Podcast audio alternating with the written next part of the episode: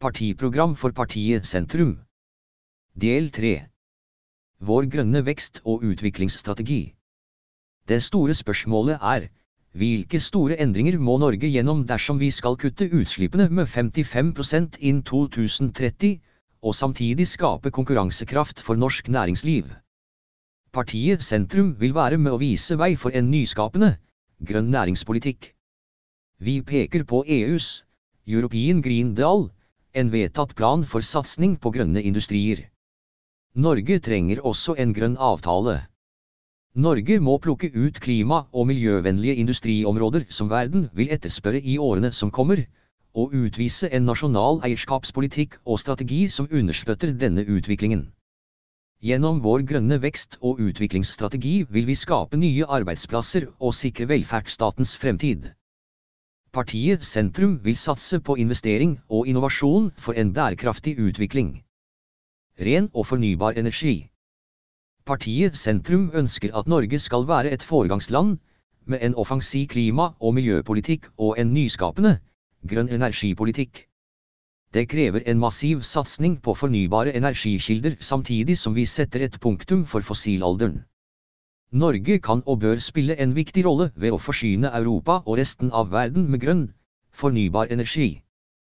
Europa bruker i dag mye kull, olje og gass. Alt dette må erstattes med fornybar energi innen 2050. I dag eksporterer Norge enorme mengder energi i form av olje og gass til Europa. Norge bør bruke våre naturgitte fortrinn til å kunne levere fornybar kraft til Europa. Fornybar energi kan bli en viktig eksportvare for Norge, og være et bidrag til økonomien når vi faser ut oljen. Fornybar energi og ny innenlandsindustri basert på denne, vil kunne gi grunnlag for nye eksportverdier når fossil olje fases ut. Dette fordrer at Norge satser systematisk på oppbygging av slike næringer. Norge er heldige som kan produsere vannkraft når det blåser lite i vindturbinene våre. I resten av Europa er de fortsatt avhengige av kull, atom- og gasskraft som balansekraft. Norsk vindkraft har et annet produksjonsmønster enn vindkraft i resten av Europa. Gjennom kraftutveksling vil derfor både norsk vann- og vindkraft være verdifull fornybar balansekraft. Om det fornybare energisystemet ikke utnyttes best mulig, vil vi risikere unødvendige kraftutbygginger i flere land i mangel på balansekraft. Dette vil være svært negativt for det globale naturvernet. Norge bør ha en viktig rolle som energinasjon, som nettoeksportør av fornybar energi, som leverandør av balansekraft, men også i form av foredlet energi som produsent og eksportør av industriprodukter som det er energikrevende å produsere. Norge må plukke ut klima- og miljøvennlige industriområder som verden vil etterspørre i årene som kommer. I tillegg må vi ha en nasjonal eierskapspolitikk som understøtter denne utviklingen. Næringslivet er klare til å levere nullutslippsløsninger så fort de etterspørres. Oppstartsrisikoen er imidlertid fortsatt for høy i veldig mange prosjekter. Det må vi gjøre noe med. Sentrum vil sikre Norge og Europa ren, rimelig og sikker energi ved å ta en fremtredende rolle som energinasjon. Etablere et grønt statlig innenlandsfond, tilsvarende 1% av oljefondet, for å sikre Norges konkurransekraft innenfor grønn industri. Styrt avvikling av olje og gass. Vi må sette punktum for fossilalderen. Norge har tjent mye på olje og gass, og har både økonomi, teknologimiljøer og arbeidskraft til å kunne lede an i overgangen til fornybar energi. Aktører i oljebransjen er i stor grad selv i ferd med å orientere seg mot andre markeder og produkter enn olje og gass. Lavere etterspørsel i årene som kommer vil gjøre olje- og gassindustrien ulønnsom på sikt, og vi må derfor få fortgang i omstillingen for å forhindre at tusenvis blir stående uten arbeid i fremtiden. Derfor må det planlegges for en styrt og gradvis avvikling av olje- og gassvirksomhet på norsk sokkel gjennom en 15-årsperiode. Det må settes en sluttdato. Dette må skje innenfor de juridiske forpliktelser Norge har med forutsigbarhet for aktørene i næringen. Fortsatt bruk og produksjon av fossilt brensel, herunder olje og gass, skader klimaet på kloden og må derfor avsluttes. Første steg på vei ut av oljealderen er å slutte å tildele nye letekonsesjoner og avvikle leterefusjonsordningen. Norge bør opprette en egen oljekommisjon etter modell fra Tyskland inn 2022. Kommisjonens mandat skal være å sikre en god overgang til grønne næringer og arbeidsplasser og forberede utfasingen av den norske petroleumsindustrien. På den måten kan vi ta vare på viktig kompetanse og legge til rette for at den blir brukt til det grønne skiftet, samt unngå at ansatte blir arbeidsledige og gradvis fase ut petroleumsnæringen. Selv om Norge skulle klare å nå sine utslippsmål uten å avvikle petroleumsnæringen, er ikke fortsatt utvinning og eksport av fossilt brensel forenlig med målet om å unngå global oppvarming. Det er ingen grunn til å lete etter olje og gass av klimahensyn ikke kan utvinnes. Etter hvert som ny teknologi blir utviklet og verden skal gjennom en grønn omstilling til fornybar energi, vil markedet slutte å etterspørre fossil energi. Leterefusjonsordningen fører til økt leteaktivitet og leting på felt som kanskje aldri vil bli lønnsomme. Ordningen gir oljeselskaper uten skattepliktig overskudd mulighet for å få refundert og utbetalt letekostnader, og har bidratt til at flere selskaper har engasjert seg i leteaktivitet på norsk sokkel. Staten har gjennom ordningen overtatt mye av investeringsrisikoen fra selskapene. Sentrum ønsker å avskaffe denne ordningen for petroleumssektoren. Sentrum vil opprette en oljekommisjon innen 2022 etter modell fra Tyskland som skal sikre en god overgang til grønne, lønnsomme og klimavennlige næringer. Kommisjon skal bidra til en styrt og planlagt avvikling gjennom en periode på 15 år. Stanse all tildeling av nye letekonsesjoner på norsk sokkel. Ingen nye områder skal åpnes for oljevirksomhet. Gjennomføre en utredning med sikte på å trekke tilbake letetillatelser gitt i 23, 24 og 25 konsesjonsrunde. Avvikle ordningen med tildeling i forhåndsdefinerte områder, TFO. Avskaffe letterfusjonsordningen for petroleumssektoren omgående. Fjerne skattefordeler og gunstige ordninger i petroleumsnæringa. Innføre en omstillingsavgift per produserte oljeenhet.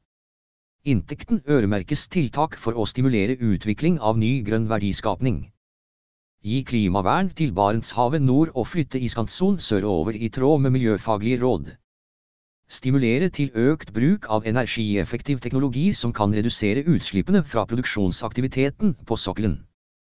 At Norge skal føre klimaregnskap over hva eksport av olje og gass fra norsk sokkel fører til utenfor Norges grenser. Etablere en ordning etter modell av leterfusjonsordningen rettet mot fornybare energikilder som eksempelvis havvind, bølgekraft og solenergi. Ordningen skal bidra til å avlaste private investorer for risiko, gi økt likviditet og investeringsvilje. Vindkraft på land. Gjennom de siste årene har det vært gitt flere konsesjoner altfor nær befolkede områder, i sårbar natur og viktige friluftsområder. Konsesjonene har i tillegg vært gitt på uklart grunnlag, med betydelige endringer i utforming etter at konsesjon er innvilget. Vi kan ikke løse klimakrisen med å ødelegge naturen. Derfor må nye vindkraftprosjekter på land forutsette at inngrepene i naturen er reversible, at sårbar natur og inngrepsfrie områder ikke blir berørt, at det tas hensyn til reindrift og urfolks rettigheter, og at utfordringer knyttet til utslipp og resirkulering av materialer finner en løsning. Innenfor slike begrensninger kan det finnes forsvarlige vindkraftprosjekter på land der produksjon av mer fornybar energi må vektlegges, f.eks. langs veier, og i tilknytning til kraftkrevende industrianlegg. Det er et mål å videreutvikle teknologien og lete etter muligheter for å realisere slike prosjekter, for å dra nytte av at vi er et land med mye vind. Lokal med bestemmelsesrett er en viktig forutsetning som må ligge til grunn for fremtidige vindkraftprosjekter på land. Sentrum vil legge stor vekt på lokal medbestemmelse og vilkårene knyttet til utbygging av vindkraft bør endres, slik at lokalsamfunnet på samme måte som ved vannkraftutbygging, får noe økonomisk tilbake. Sentrum vil at framtidig vindkraftutbygging i større grad må ta hensyn til sårbar natur og inngrepsfrie områder, urfolks rettigheter, utrydningstruede arter og nødvendigheten av realistiske, fullstendige planer for restituering av områdene etter konsesjonsperiodens utløp. At vindkraftutbygging reguleres av staten, men med sterk lokal medbestemmelsesrett. Sikre at lokalsamfunnet på samme måte som ved etablering av vannkraft, også får inntekter når det realiseres vindkraftprosjekter. At vindkraft fortrinnsvis etableres nært eksisterende infrastruktur, eksempelvis langs eksisterende veier eller kraftlinjer. Forbedre konsesjonsprosessene slik at det som blir realisert er i tråd med det som ble søkt om. Havvind. Offshore-erfaring kan bidra med viktig kunnskap i overgangen til bærekraftig energiproduksjon. Mer enn 80% av de globale havvindressursene befinner seg på dypt vann. Havvind er en av flere fornybare energikilder som kreves om vi skal nå visjonen om null utslipp. Potensialet i vindkraftverk til havs er stort. Havvind kan bidra til at vi vil klare å møte etterspørselen etter ny bærekraftig energi. Vi er avhengig av at dette potensialet utnyttes i årene fremover. Sentrum ønsker en massiv satsing på vindkraft til havs slik at Norge kan få et nytt og grønt industrieventyr. Det bør utvikles nye insentiver som kan gjøre mer privat kapital tilgjengelig for å realisere større investeringer, og det bør åpnes for at et statlig grønt investeringsfond kan delta i realisering av vindkraft til havs. Sentrum vil sikre statlig finansiering som stimulerer utbygging av havvind. Sikre statlig investering i kabler for overføring av kraft fra havvind at havvind må utvikles innenfor et konsesjonssystem som ikke kommer i konflikt med fiskerinæringen eller viktige verneinteresser. Vannkraft Vannkraft er i dag Norges viktigste og største fornybare energikilde. Oppgradering og modernisering av eksisterende vannkraftverk er noe av det enkleste vi kan gjøre for raskt å øke produksjonen av fornybar energi uten nye store naturinngrep eller naturødeleggelser. Det er også rom for å realisere flere småkraftverk uten store naturinngrep. Vannkraften er fornybar, men har i tillegg en verdifull egenskap gjennom mulighet for å regulere produksjon. Mens vindkraft må produseres når det blåser, kan vannkraft samles i vannmagasinet, og produksjon reguleres over perioder og gjennom døgnet. Det gir vannkraften en ekstra verdi, som balansekraft til vindkraft, andre energikilder og forbruksvariasjoner. Oppgradering av eksisterende vannkraftverk er ikke nok i seg selv til å møte det energibehovet som vi står foran, men vil i samspill med satsing på andre fornybare energikilder som solenergi, vindkraft til havs og bølgeenergi være et viktig bidrag. Sentrum vil stimulere til oppgradering av eksisterende vannkraftverk og strømnett. Oppgradering av vannkraftverk må forutsette at det ikke blir gjort nye store naturinngrep. Legge til rette for fornybar kraftutveksling med Europa. Solenergi. Solceller og solfangere er stadig mer aktuelle produksjonsverktøy for fornybar energi. Også i Norge bør vi utnytte denne kilden effektivt. Vi har svært store areal som kan brukes til dette uten at det belaster naturen vår. Mye av strømmen som blir produsert vil bli brukt lokalt. Det gjør at behovet for økt overføringskapasitet blir mindre enn ved annen kraftutbygging. Med nye elbiler som lader og lagrer strøm vil en å kunne fordele forbruket lokalt over tid i større grad enn før. Tak og veggflater på eksisterende bygninger gir store areal som bør utnyttes. Infrastruktur til transport av kraft som ikke blir brukt lokalt i bygget er da og alt på plass.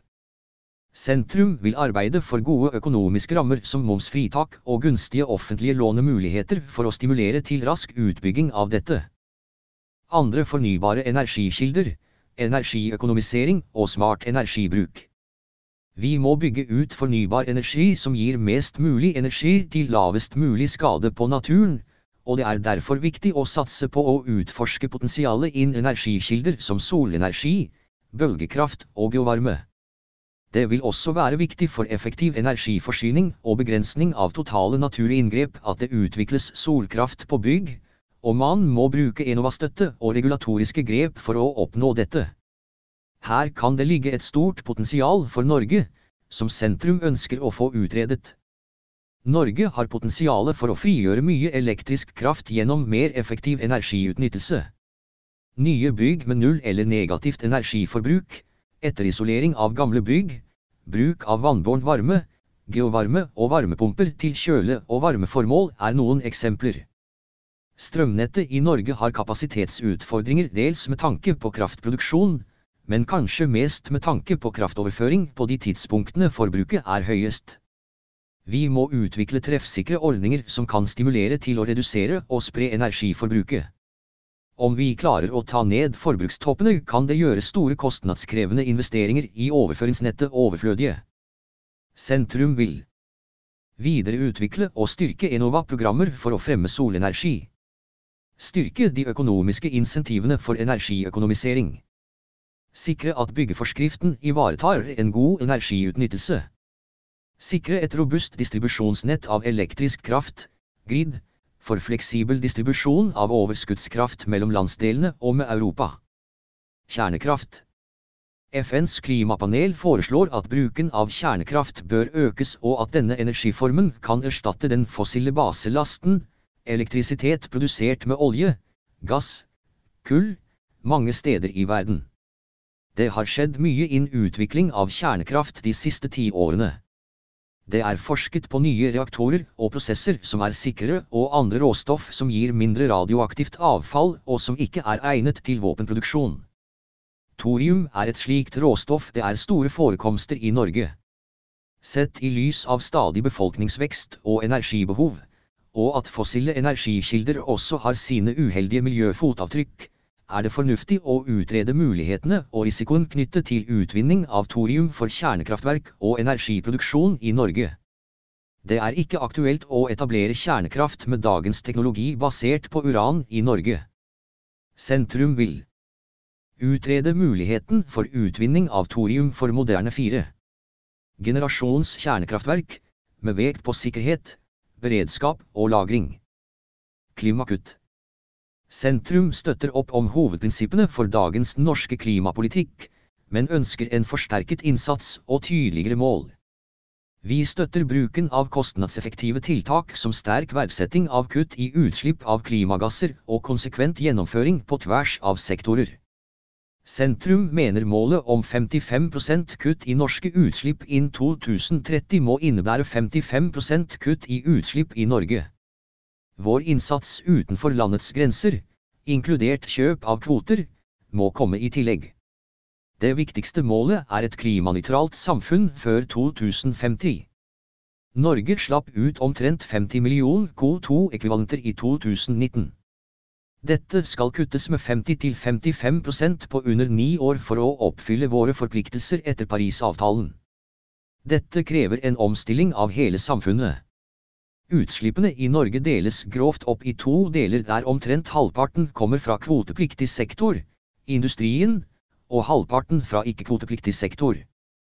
Petroleumsindustrien er den største utslippskilden innen kvotepliktig sektor, 31% og utslippene fra denne sektoren har økt med 71% siden 1990 til 14 million tonn CO2-ekvivalenter i 2019.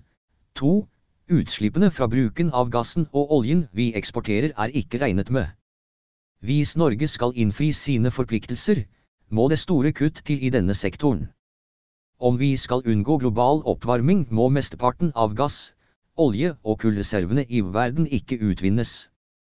Annen industri har kuttet sine utslipp med 42% siden 1990 til 11,6 millioner tonn CO2-ekvivalenter i 2019.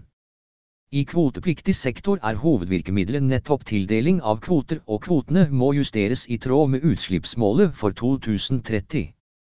Ikke-kvotepliktig sektor omfatter transport, jordbruk, oppvarming, avfall og andre kilder.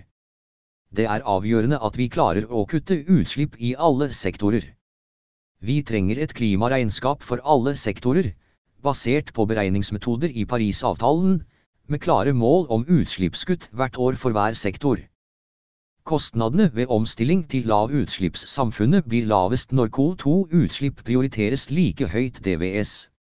Med basis i samme verdsetting av utslipp i alle sektorer. Partiet Sentrum støtter forslaget om å gradvis øke CO2-avgiften fra dagens nivå på 590 kroner til 2000 kroner per tonn CO2 i 2030. En konsekvent, rask gjennomføring av hevingen av CO2-avgiften er avgjørende. Det er fullt mulig å heve CO2-avgiften, og samtidig ta vare på distriktene, viktige næringer og sikre utsatte grupper og de med dårlig økonomi. Sentrum vil redusere klimagassutslippene i Norge med minst 55% innen 2030, sammenlignet med 1990-nivå. Kuttene må tas nasjonalt. Sette sektorvise ambisiøse og realistiske mål for reduksjon av klimagassutslipp etter Parisavtalen. Naturlig karbonlagring. Det å ta vare på og øke karbonlagrene våre er av de sikreste tiltakene for å motvirke ekstreme klimaendringer. Den billigste og mest effektive løsningen for å lagre karbon i Norge innebærer å ta vare på naturen. Intakte og funksjonelle økosystemer vil kunne motvirke skadeomfanget av klimaendringene. Det viser de store globale rapportene fra Naturpanelet, IPBES, og Klimapanelet, IPCC. Naturlig karbonlagring motvirker effektene av klimautslippene ved å redusere innholdet av CO2 i atmosfæren.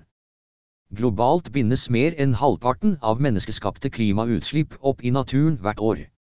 Bortimot halvparten av den naturlige karbonbindingen foregår i havet, mens drøyt halvparten foregår på land. Med mer enn dobbelt så store naturlige karbonlagre som gjennomsnittet av verdens landområder, gir naturgrunnlaget i Norge særskilt gode forutsetninger for naturlig lagring av karbon. De største karbonlagrene i Norge finnes i skog, myrer og fjellområder. Skog har både stort areal og høy karbontetthet, myr mindre areal, men høyere karbontetthet, mens det store karbonlageret som fjellområdene utgjør, skyldes det store arealet. Ifølge regjeringens nye klimaplan er naturens karbonlager i Norge på ca 7 milliarder tonn karbon. 38% av dette er i skog. 1. Ca 80% av karbonet i boreale skoger er lagret i jordsmonnet, resten i vegetasjon. Det er anslått at 80% av karbonet som er bundet opp på land, ligger i jordsmonnet. Dette er hele tre ganger mer enn i atmosfæren. Ødeleggelse av natur fører til utslipp av klimagasser. En viktig del av klimapolitikken for partiet Sentrum vil være å aktivt gå inn for å ta vare på naturens evne til å lagre karbon og binde CO2, og dermed dempe effekten av det vi har sluppet ut. Karbonlagring i landbruksjorda er et viktig klimatiltak. Intensive jordbruksmetoder fører til redusert karbon i jorda. Landbrukspolitikken må justeres slik at en stimulerer driftsformer som bidrar til økt karbonlagring, med mer organisk materiale i jorda. Det binder karbon, øker det biologiske mangfoldet og styrker jordas evne til å tåle både flom og tørke.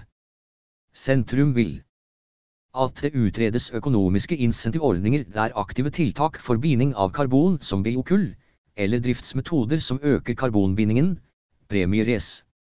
Sikre et sterkt vern om myrområder for å opprettholde den naturlige karbonlagringen og ta vare på det biologiske mangfoldet.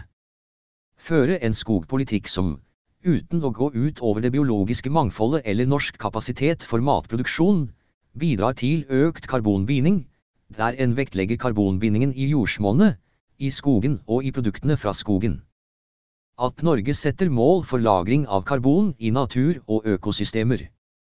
Stimulere til landbruksdrift som øker karbonbindingen i jord- og skogbruk. Miljøgifter og avfall. Miljøgifter er kjemiske forbindelser som er lite nedbrytbare og som hoper seg opp i næringskjeden. Miljøgifter er helseskadelige for mennesker og giftige for miljøet, og de kan spres via luft og havstrømmer. Selv om det fremdeles er mye vi ikke kjenner til om langtidsvirkningene av miljøgifter, har det vært gjort forskning som viser at noen kan føre til hormonforstyrrelser, alvorlig sykdom og i verste fall død.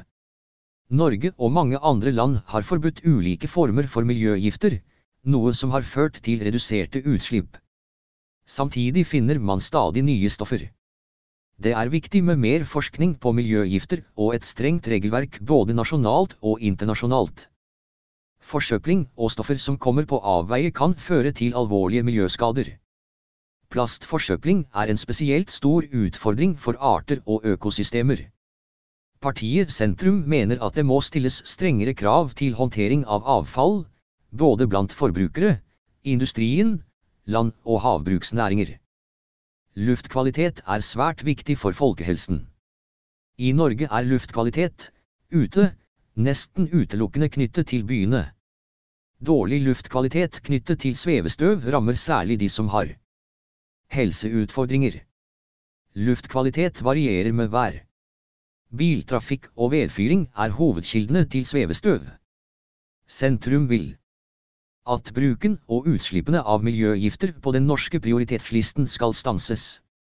Innføre sterke restriksjoner og når nødvendig også forbud mot bruk av miljøgifter i naturen, som for eksempel fluor i skismurning og bly i haglepatroner.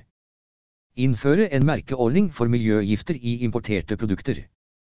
Jobbe for strenge internasjonale lover for bruk og utslipp av miljøgifter at Miljødirektoratet og andre instanser får offentlige midler til forskning på miljøgifter og undersøkelser av deres forekomster i miljøet. Forby engangsartikler av plast. At frivillige organisasjoner får støtte til å rydde strender og andre områder for forsøpling. At alle elever i grunnskolen inviteres til en årlig ryddeaksjon i sitt nærmiljø. Forby bruk av gummigranulater ved nye idrettsanlegg og gradvis erstatte gummigranulater ved eksisterende anlegg med biologisk nedbrytbare alternativer. Utrede bruk av panteordninger for flere produkter, eksempelvis elartikler. Øke bøtene for forsøpling i naturen og miljøskadelige utslipp fra industrien. Stille strengere krav til kommunene om å følge opp forsøplingssaker og andre miljøskadelige aktiviteter, med bistand fra Miljødirektoratet og Statens naturoppsyn. At reduksjon av svevestøv skal være en del av måloppnåelsen og rapporteringen i byvekstavtalene mellom stat, fylke og kommune. Klimabelønning og klimafinansiering. Sentrum ønsker å innføre en nasjonal klimabelønningsordning etter inspirasjon fra Canada. Karbonskatt til fordeling, KAF, også kalt klimabelønning, kan bli et nytt og kraftfullt virkemiddel i norsk klimapolitikk. Prinsippet er rettferdig og lett å forstå, forurenser betaler. Karbonutslippet skattlegges, men pengene går ikke inn i statskassen. I sin enkleste form deles totalsummen på antallet innbyggere og tilbakebetales til befolkningen. Norge er en stor eksportør av olje og gass. Bruken av dette bidrar til klimautslipp andre steder i verden og er ikke medregnet i Norges klimaregnskap. En omstillingsavgift på eksportert olje og gass kan øremerkes finansiering av klimatiltak og investeringer. Sentrum vil utrede og eventuelt innføre nasjonal klimabelønning, også kalt karbonavgift til fordeling, KAF, for reiser med bensin og diesel inkludert flyvninger.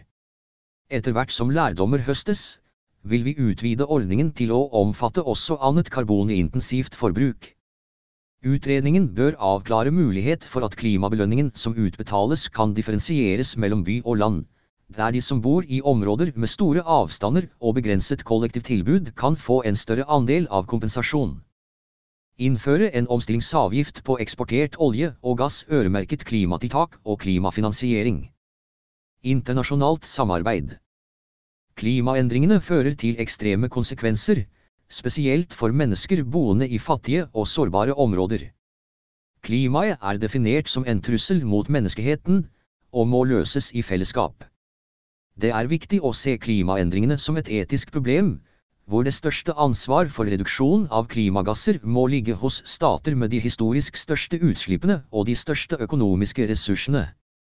Partiet Sentrum vil følge internasjonale konvensjoner og traktater inn klima og miljø og arbeide aktivt for å etterleve anerkjente prinsipper for internasjonal klima- og miljørett. Eksempler på slike prinsipper er føre-var-prinsippet, forurenser betaler-prinsippet og prinsippet for felles, men differensiert, ansvar og kapasitet. Vår politikk skal basere seg på tanken om å overlate samfunnet til neste generasjon, hvor dagens største miljøproblemer er løst. Vi trenger en grønn omstart. Dersom den globale oppvarmingen og tapphet av natur fortsetter i samme tempo som nå, vil det utgjøre en massiv trussel mot både naturen og menneskeheten. Norge skal ha en helhetlig politikk som bidrar til at vi når 1,5 gradersmålet, målene i Parisavtalen fra 2015, og målene i FNs naturavtale som forventes vedtatt i Kina i 2021. Klimaendringene og tap av natur truer global sikkerhet og økonomisk stabilitet. Det er en sentral norsk interesse å begrense klimaendringer og naturtap globalt. Norge må øke satsingen på klima- og naturdiplomati og fremme gode miljøvennlige løsninger. Som et lite land med åpen økonomi og rikdom skapt på fossil energi, må Norge gå foran på disse områdene. Vi har økonomisk styrke og ikke minst et samfunn preget av tillit, likhet og høyt kunnskapsnivå. Dette er det beste utgangspunktet for å ta på seg ledertrøya og vise at en sosialt rettferdig omstilling i et tempo som er i tråd med Parisavtalen er mulig. Sentrum vil opprette en internasjonal miljørettdomstol. Etablere et internasjonalt katastrofefond, ekstremvær, ødeleggelser. Øke støtten til Greensale Matefund. Støtte fattige lands klimatilpasning finansielt og med kompetanseoverføring i forhold til Robuste bygninger infrastruktur 2 Fornybar energi 3 Teknologiutvikling Intensivere arbeidet med den norske regnskogsatsingen RED Etablere et multinasjonalt system for varsling av miljøkriminalitet Føre strengere og tydeligere kontroll med vår håndtering av farlig avfall, Baselkonvensjon særlig viktig Arbeidet for at forurenser betaler-prinsippet må bli anvendt i internasjonal miljørett. Øke Norges bidrag til klimafinansiering og klimatilpasningstiltak i fattige land.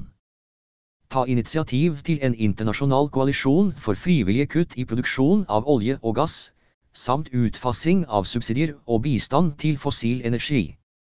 Sette arbeidet for en grønn, bærekraftig og rettferdig global omstilling som en hovedprioritet i norsk utenrikspolitikk løfte klimakrisen i Sikkerhetsrådet og gjøre den til en sikkerhetspolitisk prioritering. Sikre at avtaler mellom Norge og andre land skal være i tråd med målene i internasjonale avtaler om natur og klima. At Norge skal ta lederskap i arbeidet med å få på plass en internasjonal avtale mot plastforsøpling med et mål om null utslipp av plast til naturen.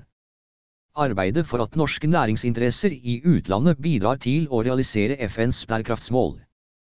At Norge skal bidra til grønn omstilling og utslippsfrie samfunn i utviklingsland. At Norge skal bidra til at land både beskytter og restaurerer natur, og samtidig forvalter sine naturressurser på en miljømessig bærekraftig måte. Sørge for at Hav for utvikling, som et globalt bistandsprogram, blir et satsingsområde for Norge. Reformere utviklingsprogrammet, Olje for utvikling, til å omhandle fornybar energi og klimatilpasning. At Norge skal bekjempe marin forsøpling. At Norge skal styrke arbeidet mot miljøkriminalitet, spesielt handel med truede arter. Norge må være med på internasjonal anerkjenning av klimafordrevne. Gi disse en rettslig status med tilhørende rettigheter og forutsigbarhet. Klimajustere oljefondets investeringer i tråd med Parisavtalens mål om å begrense den globale oppvarmingen til 1,5 grader. Gjøre EUs krav om åpenhet om risikovurdering, sustainability related disclosures, og miljøklassifisering, taksonomi, gjeldende for oljefondet. Innføre forbruksbasert klimaregnskap og mål og virkemidler for å redusere Norges importerte utslipp. Norske bedrifter skal ikke utnytte naturressurser i land hvor folket ikke selv bestemmer over disse, og må ta hensyn til urbefolkningers råderett over egne tradisjonelle tilholdssteder og ressurser. Utvikle FNs miljøprogram til en verdensorganisasjon for natur og miljø, med sanksjonsmuligheter. FN bør brukes aktivt som et forum for framforhandling av internasjonale miljø- og utviklingsavtaler som overordnes frihandelsavtaler, andre økonomiske og militære avtaler og resolusjoner. Hensyn til miljø og bærekraft må være overordnet i all internasjonal handel. Avtaler som bryter med dette må avvikles, og kan ikke inngås. Handel som skaper unødvendig forbruk må begrenses. Klimaforskning Forskning, utdanning og innovasjon spiller en sentral rolle i den grønne omstillingen. Vi må derfor støtte utdannings- og forskningsinstitusjonenes strategiske satsing på bærekraft. For å gjøre oppdagelsene som må til, må forskerne og institusjonene ha nok fleksibilitet og frihet til å drive både grunnforskning og anvendt forskning. Da må vi øke andelen av frie forskningsmidler og motvirke silotenkningen i offentlig forskningsfinansiering. Vi må styrke grunnfinansieringen av høyskoler, universiteter og institutter. For å sikre rask grønn innovasjonstakt, må vi ha gode mekanismer og nok risikokapital for kommersialisering av ny kunnskap.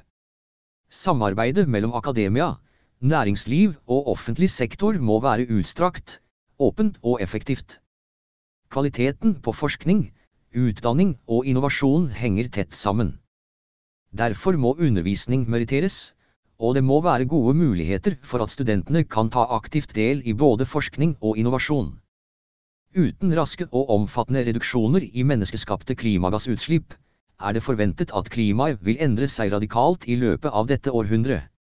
Utviklingen går mot et klima det er umulig å vite noe sikkert om, annet enn hovedtendenser som mer ekstremvær, mer tørke og langvarige hetebølger i sør, mer nedbør i nord, tinende permafrost og isfritt Arktis om sommeren. Klimaforskning kan bidra til å redusere usikkerheten om framtidig klimautvikling. Kunnskap om konsekvenser av klimaendringer på natur og økosystemer er nødvendig for å gjøre samfunnet mer robust og sette i verk riktige tiltak. Store globale utfordringer som tilgang til mat og rent vann, sykdomsspredning og flyktningstrømmer vil kunne følge i kjølvannet av klimautviklingen og prege samfunnet både nasjonalt og internasjonalt. Lokalt kan klimaendringer gi nye rammebetingelser for naturbaserte næringer, transportsektoren og arealplanlegging. Det trengs kunnskap for å dreie ulike næringer i en mer klimavennlig retning og samtidig utnytte nye muligheter for næringslivet. Sentrum vil ha et langsiktig mål om å trappe opp finansiering av forskning til minst 3% av BNP, hvorav det offentlige bør stå for om lag halvparten. Stille krav til klima og bærekraft ved offentlig finansiering av forskning. Stanse all offentlig finansiering av petroleumsforskning der målet er økt utvinning og aktivitet. Øke tildelingene til forskningsprosjekter der målet er grønn omstilling og bærekraft. Øke forskning på tilpasning til klimaendringer. Etablere et langsiktig forskningsprogram rettet mot virkemidler og tiltak for utslippsreduksjoner.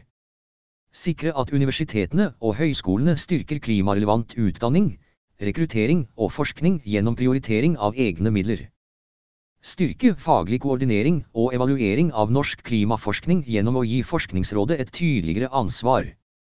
Sikre interdepartemental koordinering og finansiering av klimaforskningen bidra til overføring og oppbygging av forskningskompetanse innen klima i fattige land. Natur og biologisk mangfold. Mennesket er totalt avhengig av naturen og det biologiske mangfoldet. Rent vann, ren luft, pollinering, naturlig skadedyrkontroll, kompostering og nedbryting. Vegetasjon og jord som binder karbon og hindrer erosjon og flom er eksempler på tjenester naturen bidrar med, såkalte økosystemtjenester. En forutsetning for at disse tjenestene skal fungere er at vi tar vare på det som er igjen av naturområder og det biologiske mangfoldet som finnes der. Ingen kjenner alle sammenhenger i hele økosystemet. Vi mennesker er også en del av økosystemet, og en for oss unnselig og tilsynelatende betydningsløs art kan vise seg å være en vital del av næringskjeden for andre arter vi eller andre arter er avhengig av. Vi vet heller ikke hva som kan vise seg å bli en viktig ressurs for oss i fremtiden. Hver art har en verdi i seg selv, også uavhengig av hvorvidt vi har nytte av den. Derfor vil vi arbeide for å ivareta artsmangfoldet, og for en større bevissthet rundt de usynlige omkostningene ved menneskelig aktivitet i naturen. I 2010 ble 196 land enige om 20 naturmål, AIKI-målene, for å nå biomangfoldskonvensjonen. Målsetting var å bevare naturmangfold, bærekraftig bruk av biologiske ressurser og rettferdig fordeling av godene av genetiske ressurser. Målet var å nå bærekraftsmål 14 og 15, om livet på havet og livet på land, allerede i 2020. Vi har bare nådd fire av 43 delmål og er nå alvorlig på overtid. Sentrum vil ta den globale naturkrisa på alvor, redusere vårt økologiske fotavtrykk og prioritere tiltak for å bevare naturen i Norge. 50% av de utrydningstruede artene i Norge lever i skog. Det er særlig gammelskogen og dødt trevirke som bidrar til artsmangfoldet i skogen. Stortinget vedtok i 2017 at 10% av skogen skal vernes, men til nå har vi vernet bare ca 5% av den. minst 10% av skogen, og da fortrinnsvis gammelskog som oppfyller kriteriene for representative biotoper og artsmangfold, må vernes innen 2025. Berørte kommuner og grunneiere bør sikres en rimelig kompensasjon der dette går ut over næringsgrunnlag for berørte parter. Ordningen med frivillig vern bør ikke omfatte eiendommer der en kompensasjon ikke føres tilbake til kommune som er direkte berørt. Å restaurere og bygge opp natur er gode klimatiltak, og kan oppfylle både nasjonale og internasjonale forpliktelser. Restaurering av beite og slåttemark kan gi råstoff til bioenergi gjennom fjerning av fremmede arter, samtidig som det øker biologisk mangfold. Her er svært viktige biotoper for pollinrende insekter, og innskrenkning av landområder anses å være hovedårsaken til nedgangen av disse artene.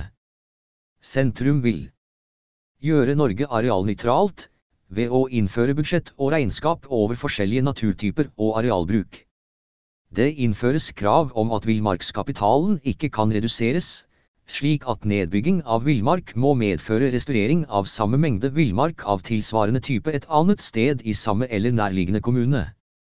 Etablere en nasjonal plan for restaurering av natur, i tråd med Norges internasjonale forpliktelser. Utvikle nasjonale restaureringsplaner for samtlige hovedtyper av natur, opprette et restaureringsfond, og opprette gode tilskuddsordninger for skogbruk og jordbruk. Endre kommunenes inntektssystem slik at det gis insentiver til å ta vare på naturmangfold, redusere arealbruk, og redusere klimagassutslipp. Begrense utbyggingen av nye hyttefelt som går ut over inngrepsfrie naturområder og beiteområder for husdyr.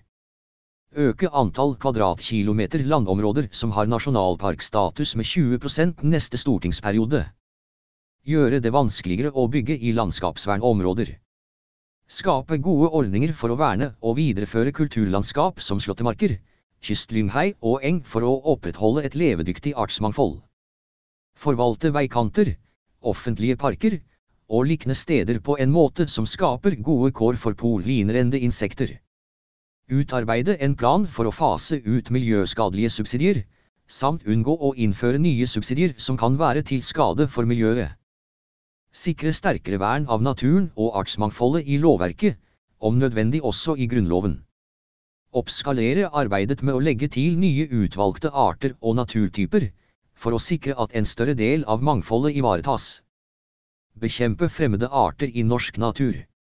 Intensivere arbeidet med å kartlegge all natur i Norge og fullføre et nasjonalt økologisk grunnkart innen 2030. Videre må det sørges for at kunnskapen tilgjengeliggjøres og tas i bruk av alle relevante aktører. Kommunikasjon av kunnskapen vil prioriteres for å skape økt forståelse for naturen blant beslutningstagere og i befolkningen. Sikre levedyktige bestander av ville dyrearter som hører hjemme i Norge, samt legge til rette for at disse kan leve uten å komme i konflikt med menneskenes og husdyrenes trygghet og livskvalitet. Bygge flere viltoverganger ved vei og jernbane, og skifte ut gjerder som er skadelige for dyrene, f. eksemplar piggtråd. Verne minst 10% av produktiv norsk skog, og arbeide for at vi står bedre rustet til å begrense skadeomfanget av skogbrann. Strengere regulering av motorisert ferdsel i utmark, og forbud mot bruk av vannskuter utenfor særlig angitte områder. Styrke innsatsen for naturvern i Norges utenriks- og utviklingspolitikk, både direkte og indirekte gjennom ivaretakelse av naturhensyn på tvers av innsatsområder. Innføre pant på engangsgriller. Fase ut, etter hvert forby, soya som produseres i områder med stort biologisk mangfold, særlig i regnskogsområder. Live i havet. Vi er en stor hav- og kystnasjon som forvalter enorme naturverdier i Nordsjøen, Norskehavet, Barentshavet og langs hele kysten. Råderetten over disse områdene gir oss et stort ansvar. Vi har vist at god forvaltning av enkelte fiskearter på lang sikt kan være både bærekraftig og lønnsomt. Livet i havet står overfor tre hovedutfordringer plastforurensning, klimaendringer og havforsuring, samt overfiske og miljøpåvirkninger av fiske. Dette påvirker både havmiljøet og grunnlaget for havnæringer.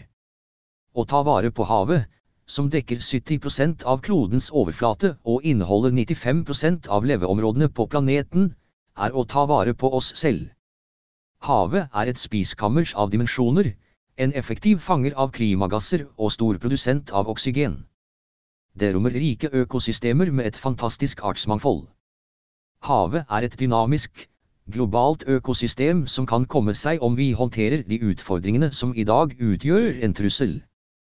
Det fordrer samarbeid mellom beslutningstakere, forskere, næringsliv og sivilsamfunn. Vi mennesker er totalt avhengig av havet og har simpelthen ikke råd til å ødelegge det. Stadig flere forskere påpeker at vi nå står midt oppi den sjette masseutryddelsen av dyreliv på jorda. Bare siden 1970 har vi mistet rundt av dyrelivet. I havet har rundt av livet forsvunnet i den samme tidsperioden.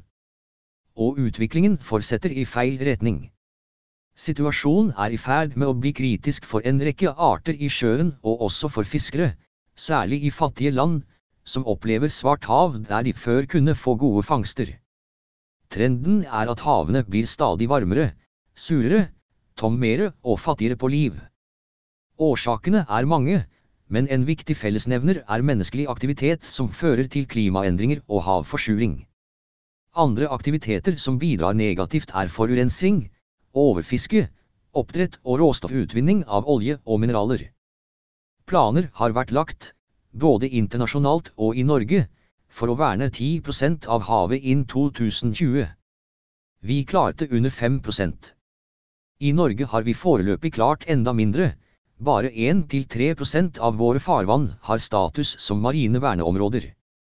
Det er et mål at vi verner 30% av havet mot oljeaktivitet, gruvedrift og fiske inn 2030. Verneområdene er ikke et mål i seg selv, men et viktig forvaltningsverktøy. Beskyttelse av natur må skje gjennom helhetlige verneplaner som gjelder på tvers av ulike sektorer som har aktivitet langs kysten og på havet. Norge har verdens nest lengste kystlinje, vår forvaltning av økosystemene i våre og internasjonale farvann blir derfor lagt merke til. Vi har ressursene og kunnskapen til å gå foran og vise hvordan utviklingen kan snus.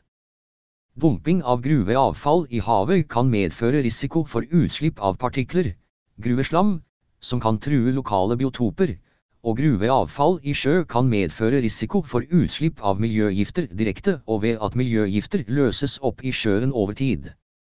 Deponering av gruveavfall som medfører fare for spredning av gruveslam eller utslipp av miljøgifter kan ikke tillates. Mineralutvinning på havbunn medfører noen av de samme risikofaktorene som deponering av gruveavfall. De viktigste utfordringene for forvaltningen av de marine økosystemene og truslene mot det biologiske mangfoldet i havene ligger på land. Klimaendringene er i stor grad drevet av landbaserte aktiviteter. Det er forurensing fra land som forårsaker de største truslene for det marine miljøet når det gjelder for eksempel plastforsøpling.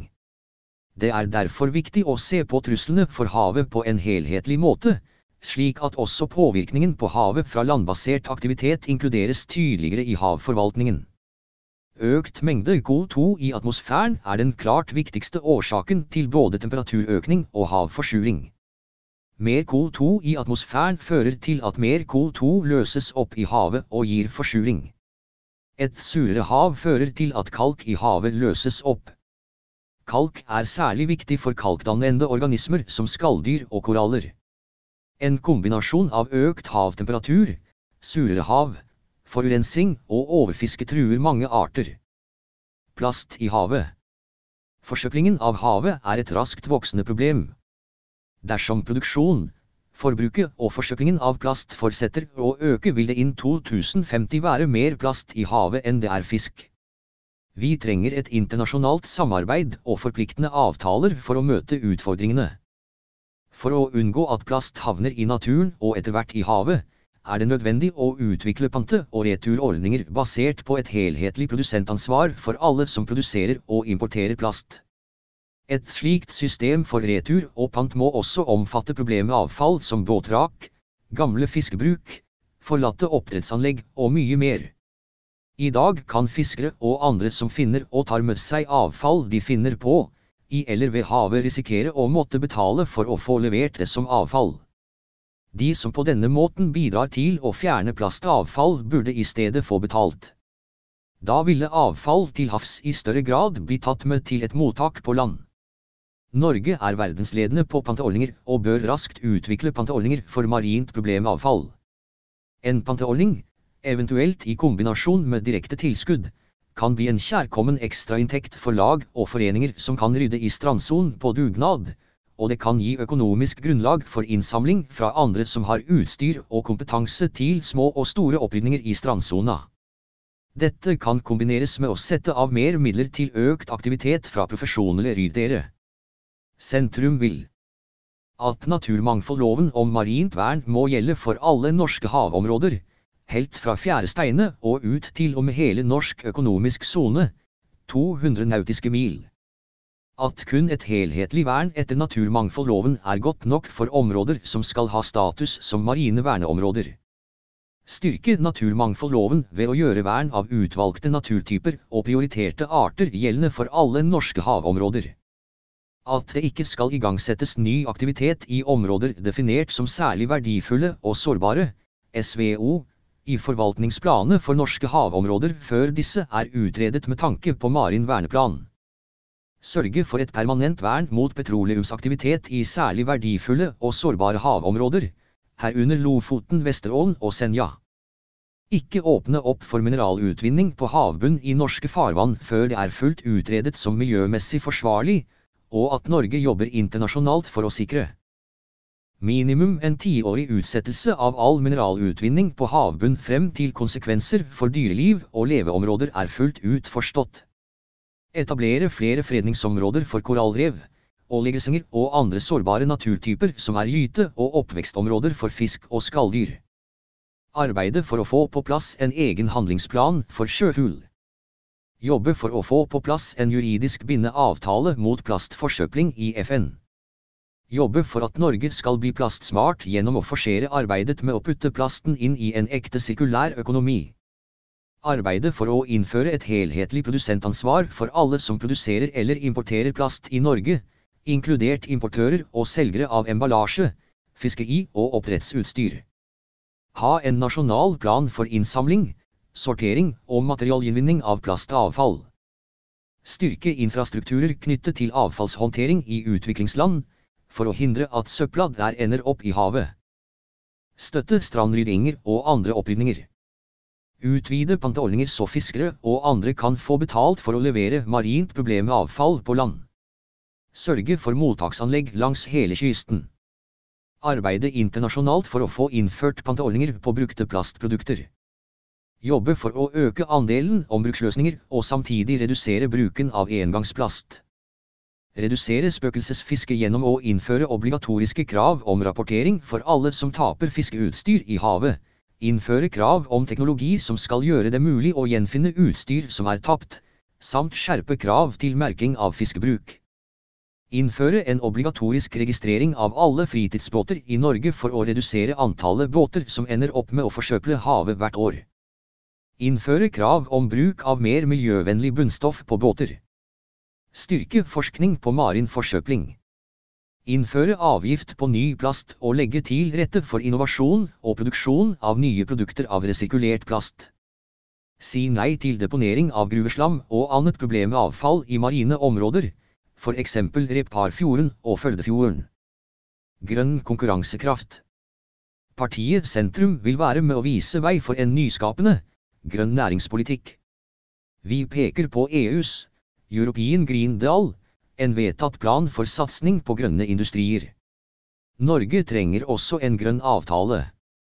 Norge må plukke ut klima- og miljøvennlige industriområder som verden vil etterspørre i årene som kommer, og utvise en nasjonal eierskapspolitikk og strategi som understøtter denne utviklingen. Gjennom vår grønne vekst- og utviklingsstrategi vil vi skape nye arbeidsplasser og sikre velferdsstatens fremtid. Partiet Sentrum vil satse på investering og innovasjon for en bærekraftig utvikling. Vi må bygge framtidens næringsliv på våre viktigste ressurser. Den viktigste ressursen er kompetanse. Vi har mange næringer som er verdensledende og vi har kompetanse innen petroleumsindustrien vi kan dra nytte av i det grønne skiftet. Marine næringer, maritime næringer, kraftproduksjon og kraftkrevende industri, ressursene fra skogen og kompetansen fra petroleumsindustrien gir oss store muligheter for å utvikle ny verdiskapning. Enova, Innovasjon Norge og GIEK har viktige roller for utviklingen av fremtidens næringsliv. Enova bidrar direkte med ordninger som skal ta oss i retning av lavutslippssamfunnet. Innovasjon Norge bidrar med finansieringsløsninger og kompetanse som skal skape vekst og fremme eksport GIEK stimulerer eksport bl.a. med garantier som reduserer risikoen for eksportører. Vi må bruke disse institusjonene, videreutvikle virkemidlene og styrke kapitaltilgangen slik at de kan spille en større rolle for å utvikle grønn konkurransekraft. Fremme økt eksport. Norge ligger langt bak våre naboland når det gjelder satsing på eksport. Norges eksportgap har aldri vært større. Ser vi bort fra olje og gass, har knapt noe OECD-land hatt svakere utvikling i eksport enn Norge de siste 25 årene. Handelsunderskuddet uten olje- og gasseksport er fordoblet til 400 milliarder kroner fra 2011 til 2019. Vi må nå vri eksportsatsingen over på andre næringer. Samtidig må vi løfte blikket fra Europa til Afrika og Asia. Norsk eksportrettet næringsliv er rammet av oljeprisfall og koronapandemi. Norges eksportfremmeaktivitet og finansiering må opp på nivå med Sverige og Danmark. Samtidig må næringslivet trekkes sterkere med i fastsettelsen av strategier og mål, og styringen av ressurser og aktiviteter.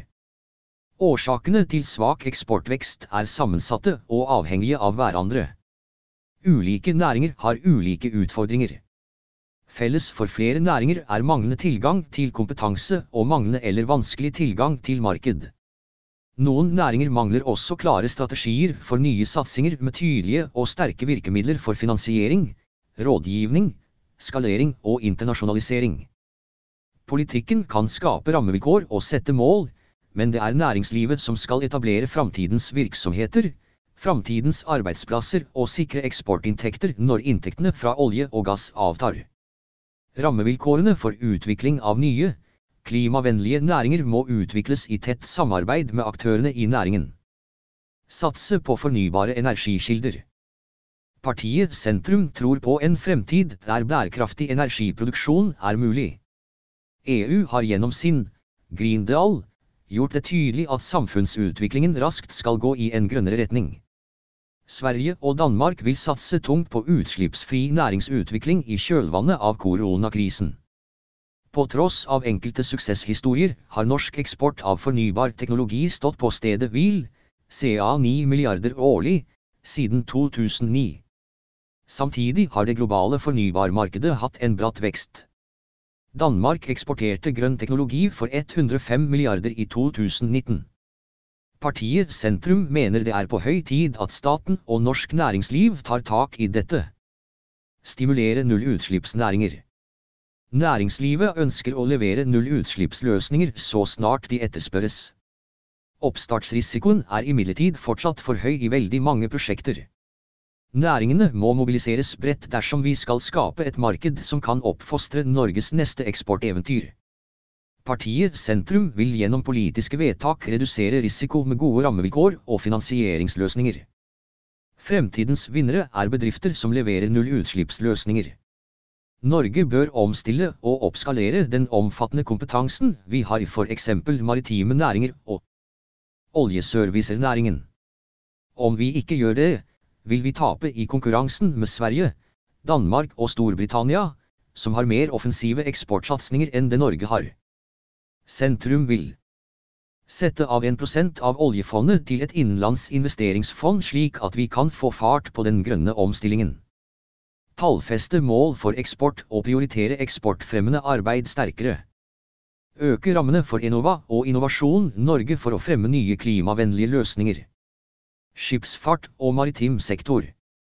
FNs internasjonale sjøfartsorganisasjon har vedtatt at utslippene fra verdens skipsfart skal halveres innen 2050, noe som med økt etterspørsel og aktivitet betyr en reduksjon på 70% per skip. Dette er ikke bare en enorm utfordring for verdens rederier, men også en stor mulighet. Veksten i markedet for nullutslippsløsninger vil bli et industrieventyr. Norge er stor sjøfartsnasjon med et sterkt maritimt miljø. Suksessen fra utviklingen av batteriferjer i det norske ferjenettet viser hvordan ny teknologi kan oppskaleres når hele verdikjeden og markedet utvikles i takt.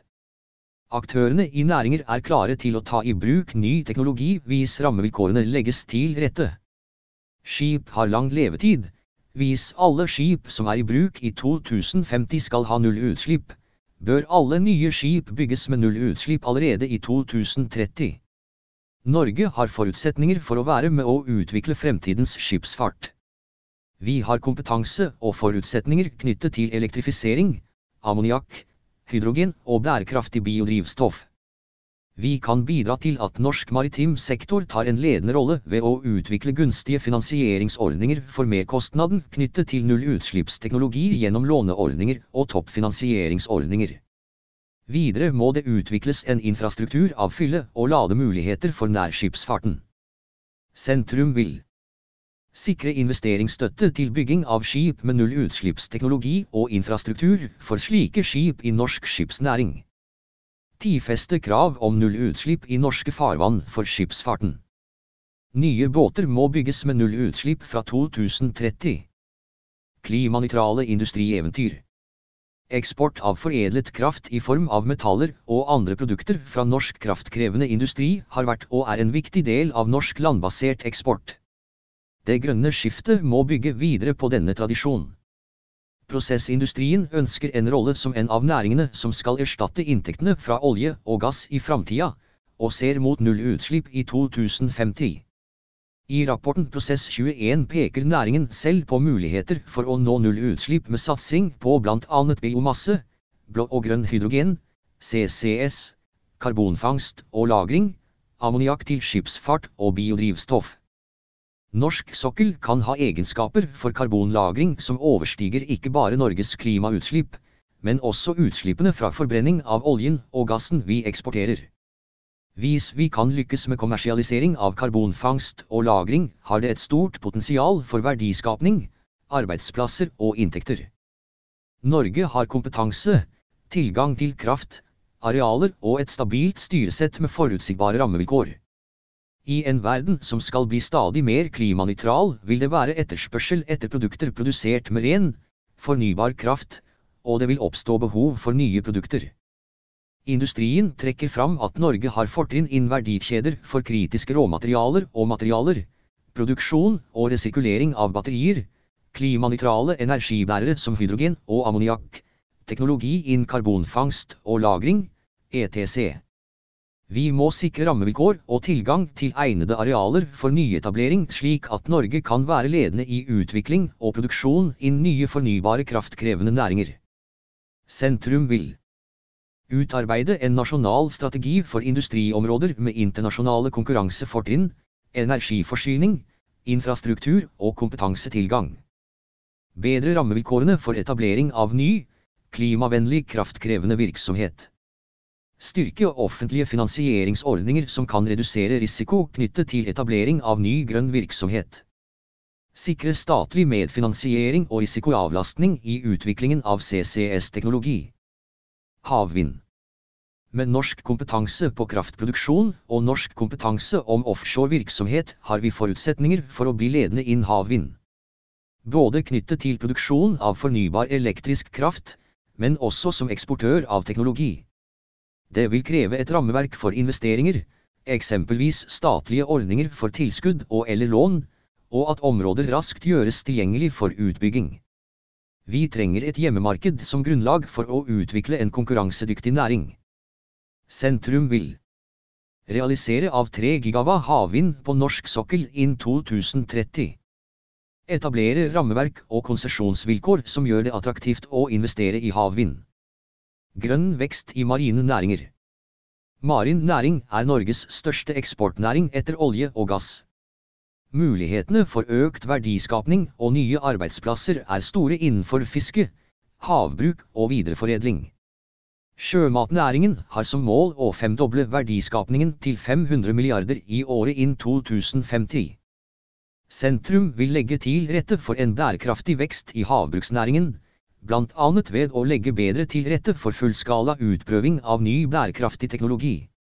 Det er et mål å stimulere til mer helårlig virksomhet i landbasert fiskeindustri, annet med ordninger som premierer leveranser av egnet råstoff i lavsesong.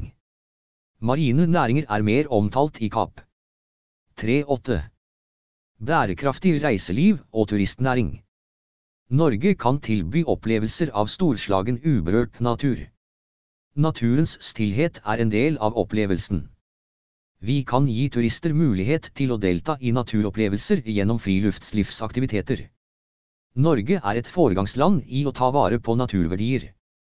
Partiet Sentrum vil fremme en bærekraftig turistnæring som skaper arbeidsplasser og fremmer lokal kultur og lokale produkter. SDG 89. Turister er nå mer bevisste på at de ønsker å reise miljøvennlig, og de foretrekker bærekraftige reisemål. Et grønt reiseliv betyr økt verdiskaping og økt sysselsetting, og det er en mulighet for norske reiselivsbedrifter. Reiselivsnæringen setter miljøstandarder både for de ansatte og for gjester. Partiet Sentrum anerkjenner at flere av de store aktørene i norsk reiseliv har som mål at veksten innen reiseliv skal være en del av løsningen mot et mer bærekraftig samfunn. Sentrum vil Stille tydelige krav til turistnæringen om at den skal bidra til å realisere bærekraftsmålene. Bygge grønn konkurransekraft i norsk turistnæring. Utvikle konseptet nasjonale turistveier og nasjonale turiststier, og ha et tettere samarbeid med operatører om planlegging av reiseruter MV. Utvikles bedre digitale turportaler, planleggingsverktøy og informasjonstjenester på ulike språk for turisme og friluftsliv i Norge. Nye grønne arbeidsplasser i byggesektoren.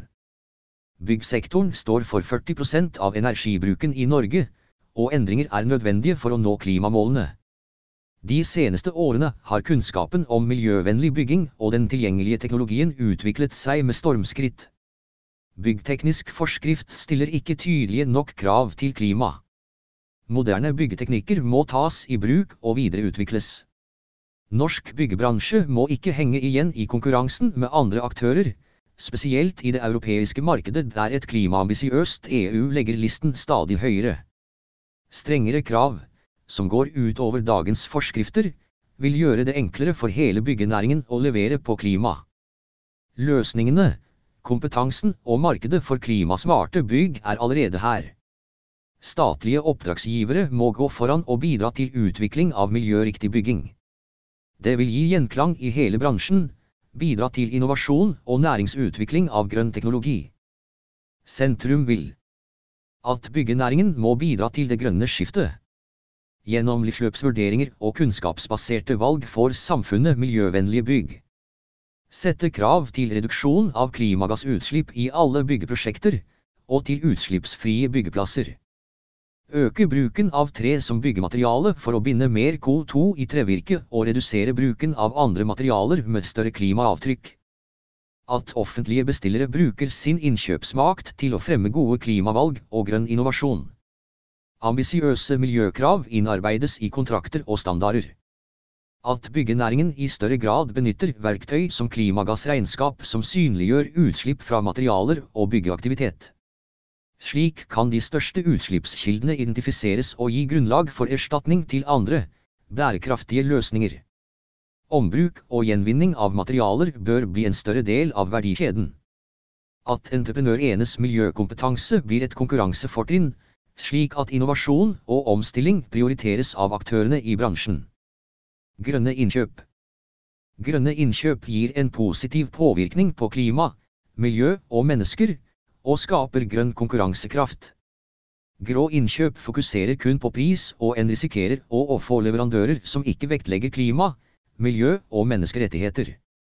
Ved å stille grønne innkjøpskrav bidrar vi til å ivareta miljø, skape innovasjon og konkurransekraft.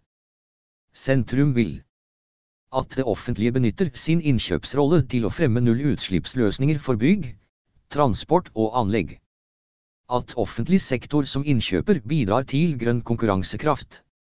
Sirkulær økonomi. Bærekraftig forbruk og produksjon handler om å gjøre mer med mindre ressurser.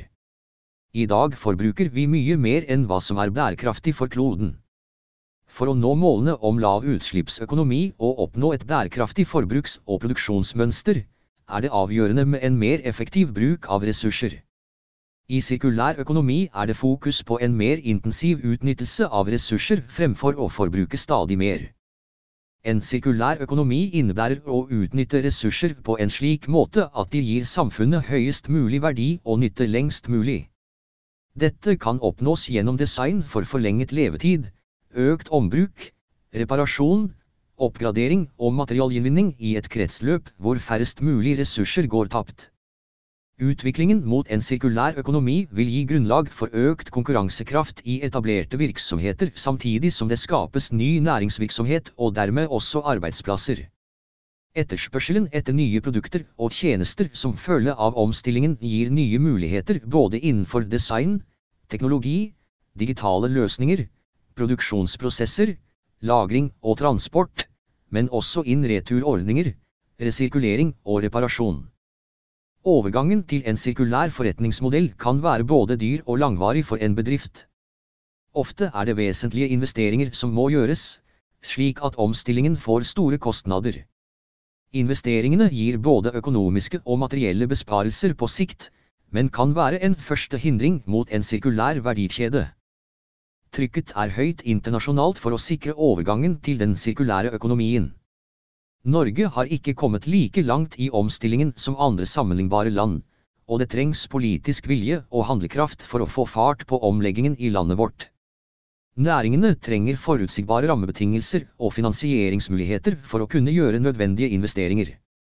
Samtidig vil kompetanse og tilgang til informasjon blant forbrukerne være et viktig premiss for en nødvendig dreining i etterspørsel og endring av forbruksvaner. En viktig faktor for den sirkulære økonomien er en bærekraftig produksjon og et forbruk som innebærer å minske ressursbruken, miljøødeleggelsen og klimautslippene som samfunn og som enkeltpersoner. I vår del av verden forbruker vi mer enn hva som er bærekraftig for kloden. Som en del av EUs handlingsplan for sirkulær økonomi er det inntatt punkter for bedre ikke-finansiell rapportering. Dette vil være essensielt i forhold til at finansnæringen skal kunne gi gode betingelser for finansiering og kapital i de bransjene og bedriftene som bidrar best til det grønne skiftet og bærekraftig økonomi. Manglende kunnskap og kompetanse om sirkulær økonomi er den viktigste barrieren på alle nivå i dag. Både hos bedrifter, statlige aktører og hos politiske myndigheter. Det mangler kunnskap og erfaring på hvilke politiske tiltak og insentiver som kan hjelpe den sirkulære økonomien fremover. Sentrum vil sikre en norsk handlingsplan for sirkulær økonomi basert på Europakommisjonens handlingsplan for sirkulær økonomi. Implementere hensiktsmessig ikke-finansiell rapportering i tråd med EUs nye Green. Legge til rette ønske velkommen for løsninger for delingsøkonomi som samtidig ivaretar hensyn i arbeidsmiljøloven.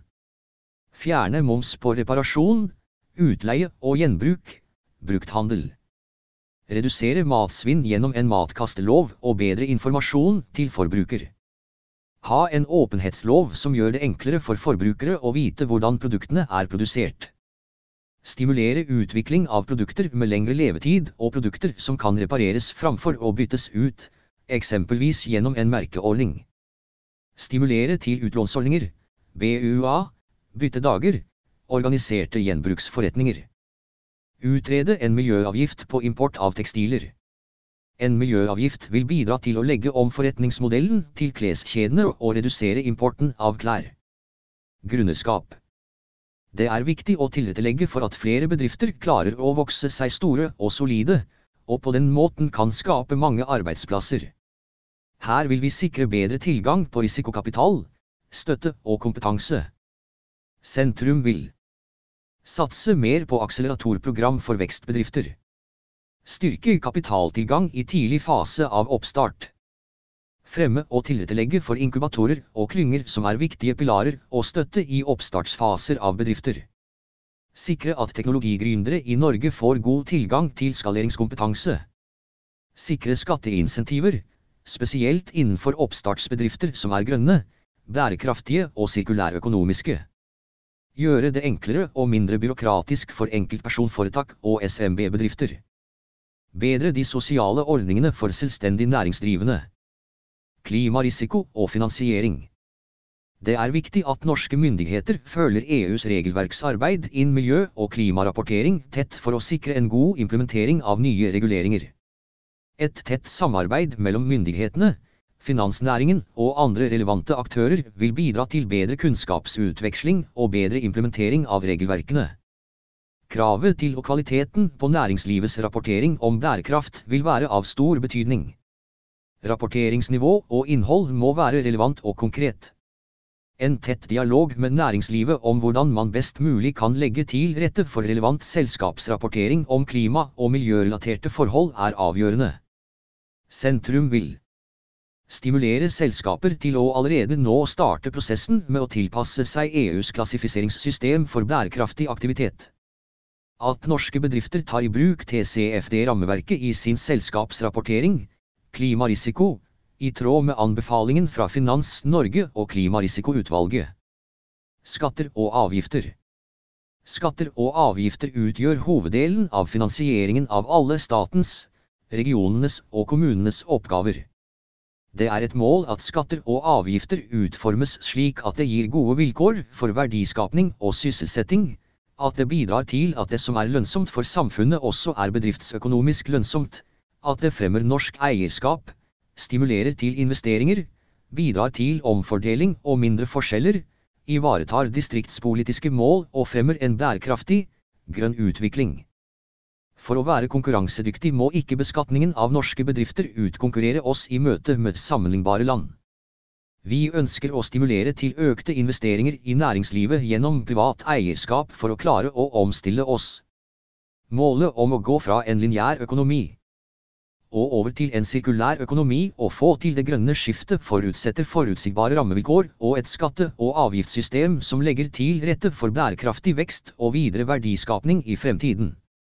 Vi ønsker samtidig en skattepolitikk som motiverer til arbeid, finansierer velferdssamfunnet og stimulerer til et bærekraftig samfunn. Formuesskatt, arveavgift og eiendomsskatt er politisk omstridte skatter. Skattene har negative konsekvenser ved at eiere av virksomheter F-eksemplar kan bli tvunget til å ta utbytte for å betale formuesskatt eller at en ny generasjon må selge andeler av en virksomhet for å betale arveavgift.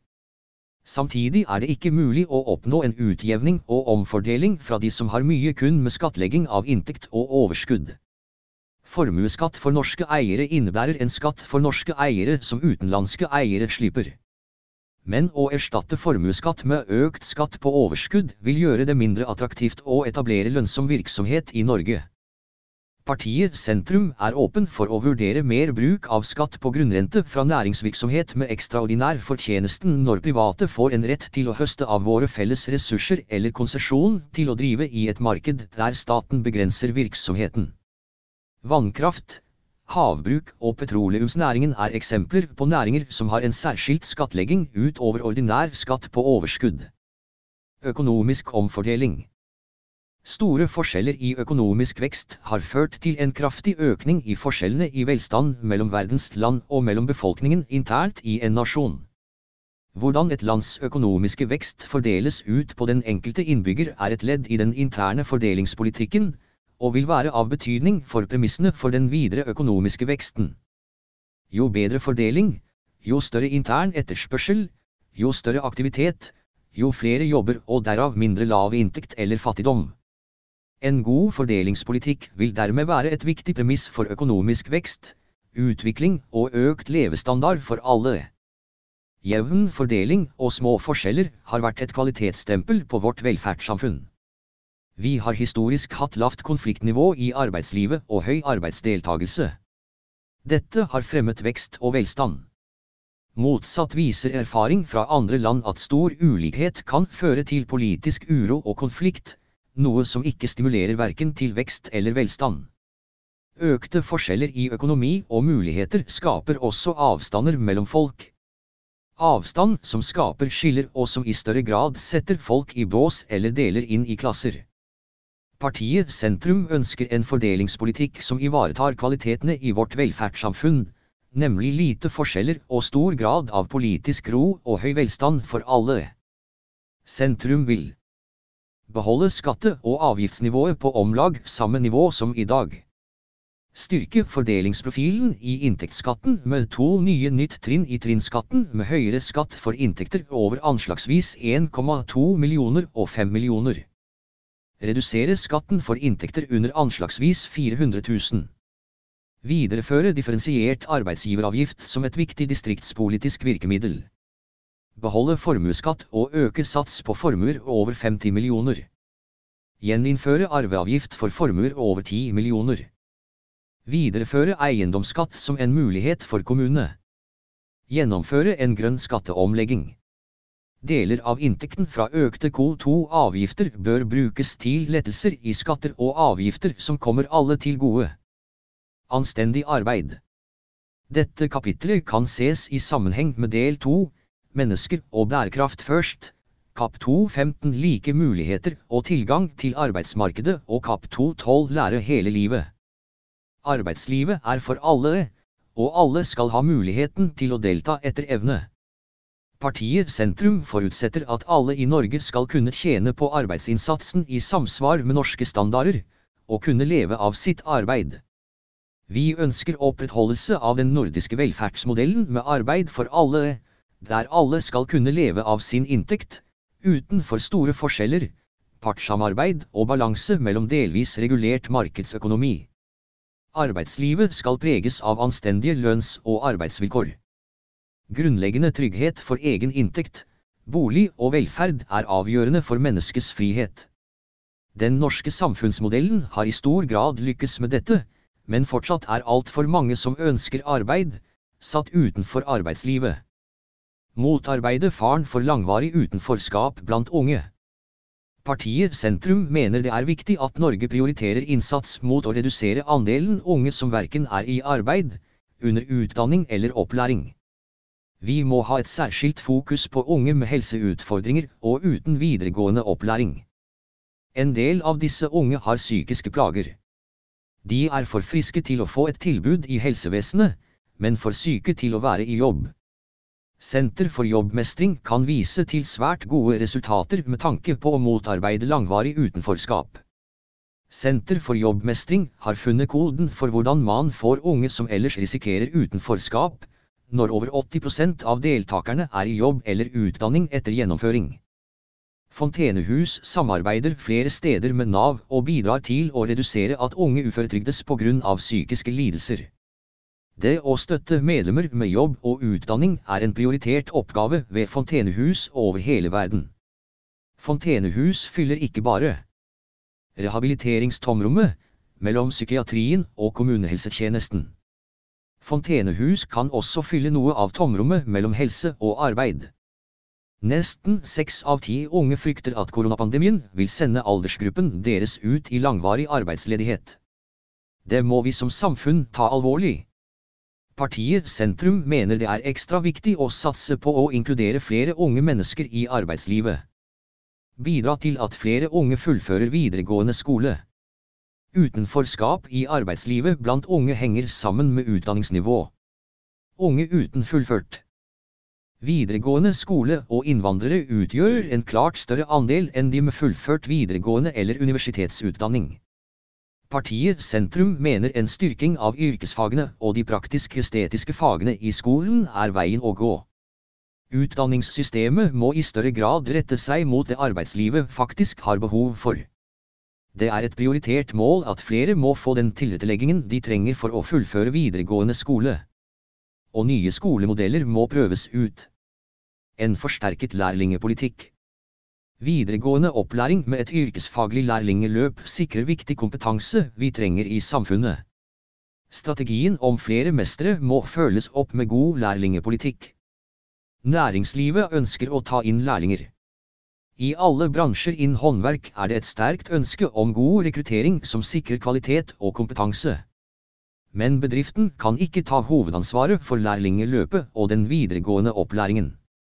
Konjunkturer, kostnader og kompliserte ordninger kan gjøre at bedrifter finner det vanskelig å opprette lærlingeplasser. Partiet Sentrum mener vi må prioritere å øke tilgangen til lærlingeplasser. Språk, funksjonsnedsettelser og andre utfordringer i livet kan gjøre at en lærling trenger ekstra ressurs og oppfølging, SDG 85. Ekstra behov for oppfølging i en lærlingesituasjon må følges opp med ekstra midler inn i lærlingebedriften, slik at ikke dette blir et hinder for lærlingeplass og god gjennomføring. Global jobbspakt Initiativet Global jobbspakt ved Den internasjonale arbeidsorganisasjon, ILO, tar for seg den sosiale virkningen av den globale krisen på sysselsetting og foreslår jobbsentrert politikk som svar på kriser. Sentrum vil fortsette trepartssamarbeidet om lønnsoppgjør og andre arbeidsvilkår. Øremerke midler til Senter for jobbmestring og på den måten sikre at flere unge med psykiske helseutfordringer kan komme i jobb. Utvikle og iverksette en global strategi for sysselsetting av ungdom og innføre det global jobbspakt utviklet i den internasjonale arbeidsorganisasjon, SDG 8-bit. Bekjempe strukturer som legger opp til arbeidsgiveres bruk av midlertidige stillinger. Sørge for at det finnes både deltidsstillinger og heltidsstillinger i offentlig sektor, slik at det kan tilpasses den enkelte ansattes funksjonsnivå og behov. Øke andelen heltidsstillinger i helse- og omsorgstjenesten. Jobbe mot ufrivillig deltid. Innføre en garanti for lærlingeplass. Ha en nasjonal handlingsplan som skal bidra til flere lærlingeplasser. Fjerne arbeidsgiveravgiften på lærlingeplasser. Sette inn økonomiske insentiver som gjør det lønnsomt å ansette lærlinger, f.eks. bonusordning for bedrifter når lærlinger oppnår sitt fagbrev. Fylkeskommunen dekker nødvendig tilleggskursing i forhold til språk og andre behov i hele lærlingeløpet for å sikre fullføring. Øke rammen til tilskuddsordningen til Fontenehus og Fontenehus Norge. Legge til rette for at flere eldre kan stå lengre i jobb. Øke støtten til handelsrettet bistand, Fortradde, til utviklingsland, særlig til de minst utviklede landene, annet gjennom det styrkede, integrerte rammeverket for handelsrelatert faglig bistand til de minst utviklede landene, SDG 8A. Arbeidslivskriminalitet. Det er bred enighet om at svart arbeid undergraver arbeidsmarkedet og uthuler velferdssamfunnet vårt gjennom unndragelse av skatter og avgifter. For den enkelte som kjøper eller utøver svart arbeid innebærer det også stor strafferettslig risiko, samt at rettigheter som garanti, reklamasjon, pensjon og sykepenger går tapt. Også offentlig sektor er utsatt for arbeidslivskriminalitet. Det er det samlede engasjementet fra privatpersoner, næringslivet, fagorganisasjoner og myndighetene som er avgjørende for å få satt kriminelle ut av spill og for å eliminere svart arbeid og annen arbeidslivskriminalitet. Håndverkerbransjen er klar i sitt ønske om at rotfradrag, skattefradrag for kjøp av håndverkertjenester i private hjem, vil være et målrettet tiltak i kampen mot svart arbeid. Ved å gi gode insentiver til å velge hvitt arbeid fra de som etterspør tjenesten, vil man effektivt kunne sikre handelskjeder som skjer innenfor lovlige og regulerte former. Håndverksbedrifter kveles i dag langsomt av konkurransen fra de svarte aktørene. Bedrifter legges ned eller videreføres ikke ved generasjonsskifte. Bransjen selv uttrykker ønske om å få eliminert den ulovlige virksomheten som foregår. Ved å få ryddet opp i bransjen og sikre trygge arbeidsforhold og gode lønnsbetingelser vil det gi en anseelse som håndverkerfagene trenger. I en tid hvor vi ser en trend til at stadig flere søker teoretisk utdanning og masterprogram, trengs det tiltak som gir ungdom grunner for å se en fremtid i de praktiske håndverkerfagene og et mesterløp. Også i andre bransjer kan tilsvarende skattefradrag innføres gjennom et tilsvarende rosfradrag for tjenester i hjemmet som renhold, omsorg og serviceoppdrag som F-eksemplar. Hagearbeid MV Arbeidslivskriminalitet har grenseoverskridende utfordringer. Europeisk og internasjonalt samarbeid og fokus må sikres stort fokus, og etableringen av European Labour Authority, ELA, må videreutvikles. Lovverket både nasjonalt og internasjonalt må være i takt med utviklingen innen bransjene for raskere å demme opp for nye områder og metoder for arbeidslivskriminalitet. Menneskehandel er et fenomen vi ikke legger merke til, før du har sett at det eksisterer og hvordan det eksisterer. En rekke bransjer nevnes som risikobransjer, og vi trenger kompetanse blant folk flest og strukturer for næringene som setter stopper for sosial dumping og arbeidslivskriminalitet. Også internasjonalt har vi et ansvar for å forebygge og stoppe utnytting av barn og voksnes sårbarhet i forhold til behovet for arbeid som kilde til inntekt og livsgrunnlag. Utsatt for menneskehandel. Å være utsatt for menneskehandel vil si at man har vært utsatt for tvang, trusler eller utnyttelse av en sårbar situasjon, til for eksempel prostitusjon eller arbeid. Det innebærer liten eller ingen kontroll over egen situasjon, beslutninger om eget liv eller fremtid. Partiet Sentrum mener det er viktig å se hele mennesket og at samfunnet stiller opp med grunnleggende helse- og velferdstjenester. Sentrum vil ha strengere straffer for arbeidskriminalitet at norske og utenlandske aktører må få like konkurranse og arbeidsvilkår. Ha nulltoleranse for arbeidslivskriminalitet. Allmenngjort lønn i risikoutsatte bransjer, minstelønnssatser. At lønnstyveri defineres som et rettslig begrep og gjøres straffbart. Innføre seriøsitetsbestemmelser knyttet til innkjøp og avtaler i alle kommuner og fylker. Sikre operativ kontroll i alle kommuner for effektivt å forebygge og unngå korrupsjon og svart arbeid i det offentlige. Øke ressursene til a-krimsentrene og endre organisering slik at reell ledelse og ressursstyring tilordnes enheten. Oppheve taushetsplikten mellom kontrolletatene for å sikre sammenstilling av tverretatlig informasjon og hensiktsmessig helhetstilnærming i konkrete saker. Gi like fullmakter hjemler i saker kontrolletatene samarbeider om for å sikre effektivitet i kampen mot arbeidslivskriminalitet. Ha en godkjenningsordning for bilpleiefirmaer tilsvarende renholdsbransjen.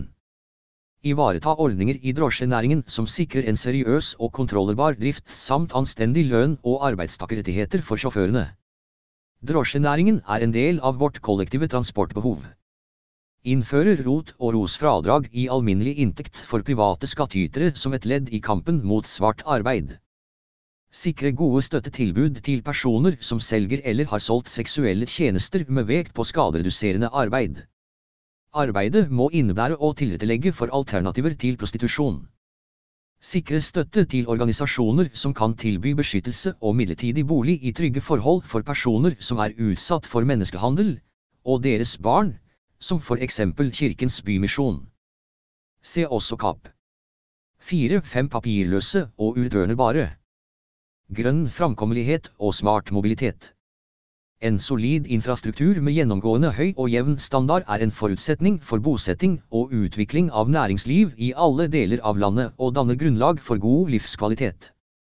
Både infrastrukturen og transportmidlene må utvikles skånsomt ved å spille på lag med naturen, naturmangfoldet, miljø og klima.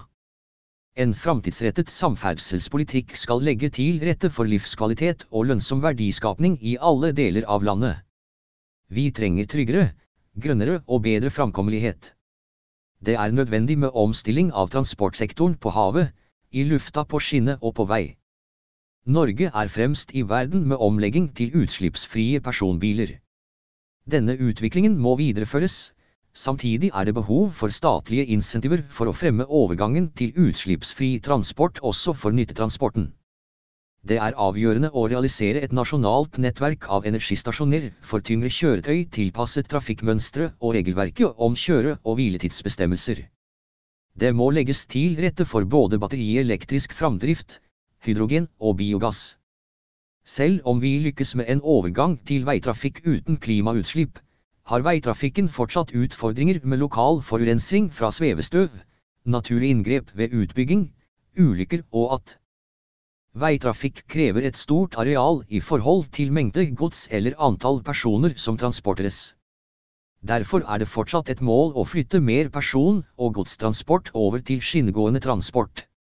Over litt større avstander kan heller ikke veitransport konkurrere i reisetid med moderne tog. Norsk jernbane er med få unntak utslippsfri. Togtransport er sikrere enn bil, det har kapasitet til å frakte langt flere folk og mer gods i forhold til arealet som kreves, og det har potensialet for langt raskere transport enn veitrafikk. Med utbygging av høyhastighetstog kan vi få reisetider mellom byene i Sør-Norge som kan utkonkurrere det meste av flytrafikken i Sør-Norge og faktisk bli et reelt alternativ også for reiser i og til Nord-Norge. Samtidig vil en slik utbygging innebære at store deler av landet får reisetider inn til de store byene som åpner for helt nye bo- og arbeidsmarkedsregioner, ikke minst om en ser det i kombinasjon med muligheter for fjernkontor hjemmekontor. Pandemien i 2020 og 2021 har avdekket en større fleksibilitet i behovet for personreiser enn vi kjente til, ikke minst med tanke på omfanget av reiser til og fra jobben. Digitale møter har erstattet mange jobbreiser, og svært mange har tatt i bruk hjemmekontor i større eller mindre omfang. Den fleksibiliteten som er avdekket synliggjør en mulighet for å oppnå bedre framkommelighet gjennom bedre ressursutnyttelse og endring av trafikkmønster som et alternativ til å øke kapasiteten på tidspunktene med mest trafikk. Ved å stimulere flere til å reise utenom rushtiden kan kapasiteten for både veier, tog og øvrig kollektivtrafikk utnyttes bedre, og behovet for å investere i økt kapasitet for de største trafikktoppene kan reduseres. Om flere velger å reise utenfor rushtiden, gir det økt fremkommelighet både for de som endrer reisetidspunkt og de som av ulike grunner ikke har samme mulighet. Mikromobilitet og nye forretningsmodeller endrer transportsektoren og reisemønstre. Samferdselspolitikken må justeres i tråd med nye muligheter. I byene vil muligheter knyttet til elsparkesykkel, elsykkel, bysykler, autonome kjøretøy, autonome busser og bildelingsmuligheter kunne påvirke framtidig transportbehov og utbyggingsbehov. Utviklingen av intelligente transportsystemer med kommunikasjon mellom kjøretøy og infrastruktur kan skape en samhandling mellom kjøretøy som legger til rette for både bedre utnyttelse av kjøretøyets kapasitet, bedre trafikkflyt og redusert miljøbelastning. I store deler av landet er veien eneste reelle alternativ for gods og for persontransport. Jernbanen finnes ikke overalt, og mange steder har ikke trafikkgrunnlag for et kollektivtilbud med tilstrekkelig frekvens. Behovet for fremkommelighet for folk og gods er likevel stort. Forutsigbar og kort reisetid er viktig for mye av godstransporten og avgjørende for vekst og verdiskapning i mange av de næringene som skal gi oss inntekter etter olja. Det handler et godt utbygd stamveinett, men også kapasitet på veiene inn til stamveinettet. Det handler om trygge veier, og om kapasitet og frekvens på ferjer. Det er et stor potensial for å overføre mer godstransport fra veien til sjøen. Sjøtransportens fremste fortrinn er transport av store volum over lange avstander. Det vil kreve infrastruktur i havne for omlasting. Også godstransport til sjøs må legges om til utslippsfri teknologi. Elektrisk framdrift og hydrogen representerer muligheter med ulike egenskaper. På korte strekninger, som de fleste ferjestrekninger, har elektrisk framdrift stort potensial, og Norge er ledende i utviklingen av elferjer. Norge har forutsetninger for å bli ledende og etablere ny industri knyttet til satsing på hydrogen for transport over lengre strekninger til havs. Flytrafikken står for uforholdsmessig store klimautslipp. Etter pandemien vil vi trolig ikke vende tilbake til samme reisemønster som før. Det gjelder ikke minst for arbeidsreiser, der det er både ønskelig og forventet at digitale løsninger vil overta for en vesentlig del av de fysiske møtene. I store deler av Norge er kortbanenettet avgjørende for persontransporten. Og verken vei eller bane utgjør et alternativ. Norge må ta en ledende rolle i utviklingen av elfly som et utslippsfritt alternativ for kortere flyreiser. Sentrum vil Utvikle økonomiske virkemidler som kan stimulere flere til å forskyve reisen til tidspunkt med mindre kapasitetsutfordringer. Dette gjelder både korte og lengre kollektivreiser og privatbilreiser i områder med rushtidsutfordringer. Redusere transportsektorens klimaavtrykk vesentlig inn 2030 og på sikt gjøre all transport klimanøytral.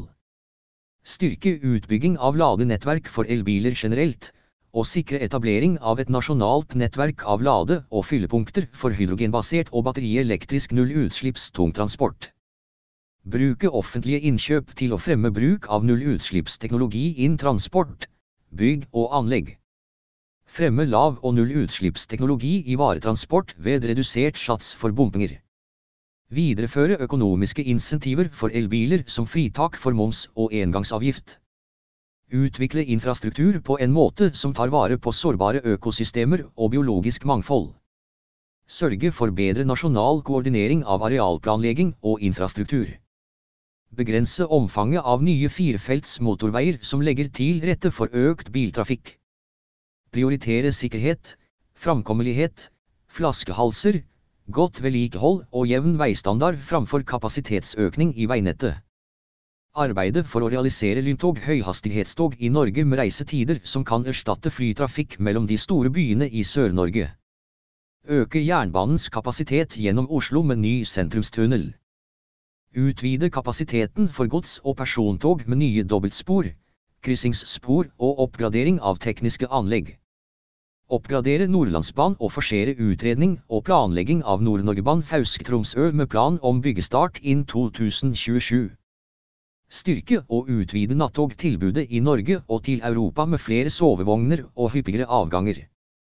Akselerere byggingen av dobbeltspor for økt kapasitet og vesentlig redusert reisetid i hele intercitytriangelet, Halden, Skien, Lillehammer. Igangsette bygging av Ring Eriksbanen. Gjennomføre sammenkobling av Sørlandsbanen og Vestfoldbanen. Oppgradere jernbanestrekningene mot Sverige og kontinentet. Innføre krav om sømløs reise med én billett og gode overganger mellom alle kollektivselskap i Norge. Utvide kapasiteten for kollektivtrafikken i de største byene.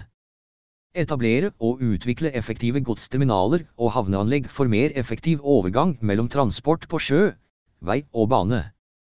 Fremme omlegging til lav- og nullutslippsteknologi på skip gjennom etablering av infrastruktur for klimavennlig drivstoff og lading, samt tilskudds- og låne- og toppfinansieringsordninger knyttet til bygging av skip med nullutslippsteknologi. Innføre sterkere insentiver for å gjøre skipsfarten utslippsfri. Sikre likeverdig tilgang til digital infrastruktur i alle deler av landet. Skrinlegge planene om en tredje rullebane på Oslo lufthavn Gardermoen.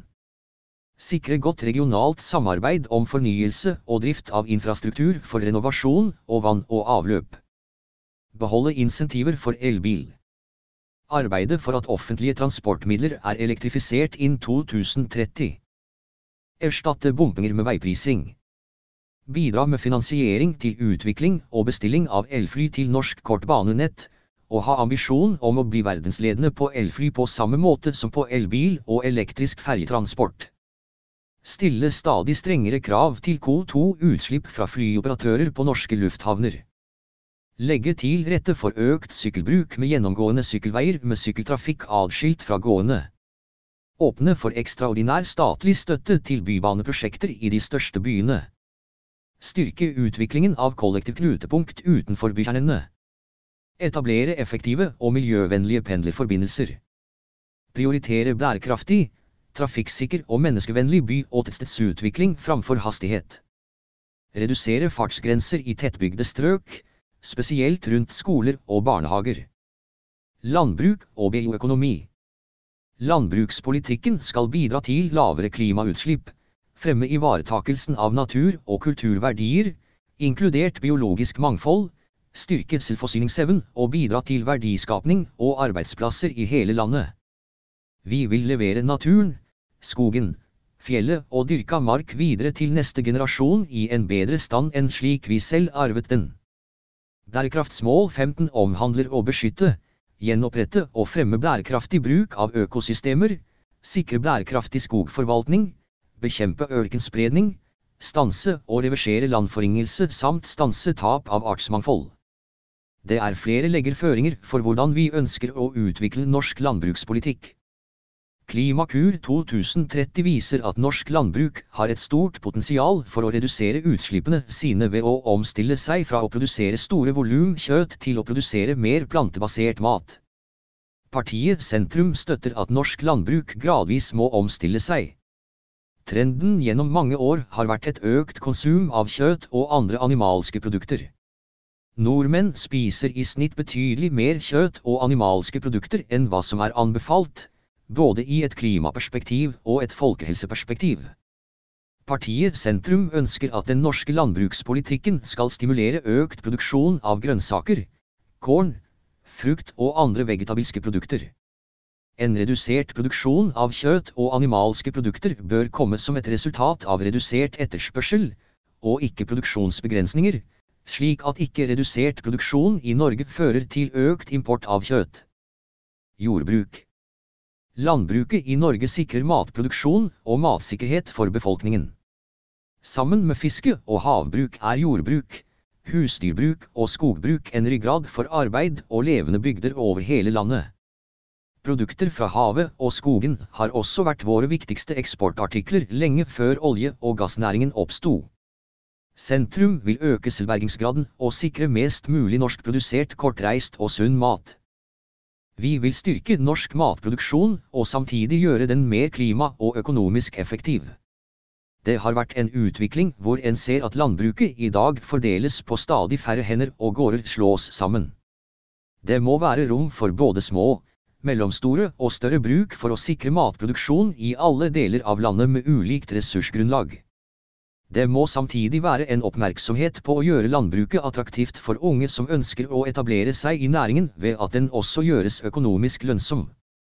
Privat forvaltning av eiendom, beiteareal, fiskerettigheter og jaktmuligheter må kombineres med nasjonale mål som sikrer fordeling og nasjonal bærekraft på bestander og ressurser og ivaretar biologisk mangfold, kulturlandskap og levende bygder.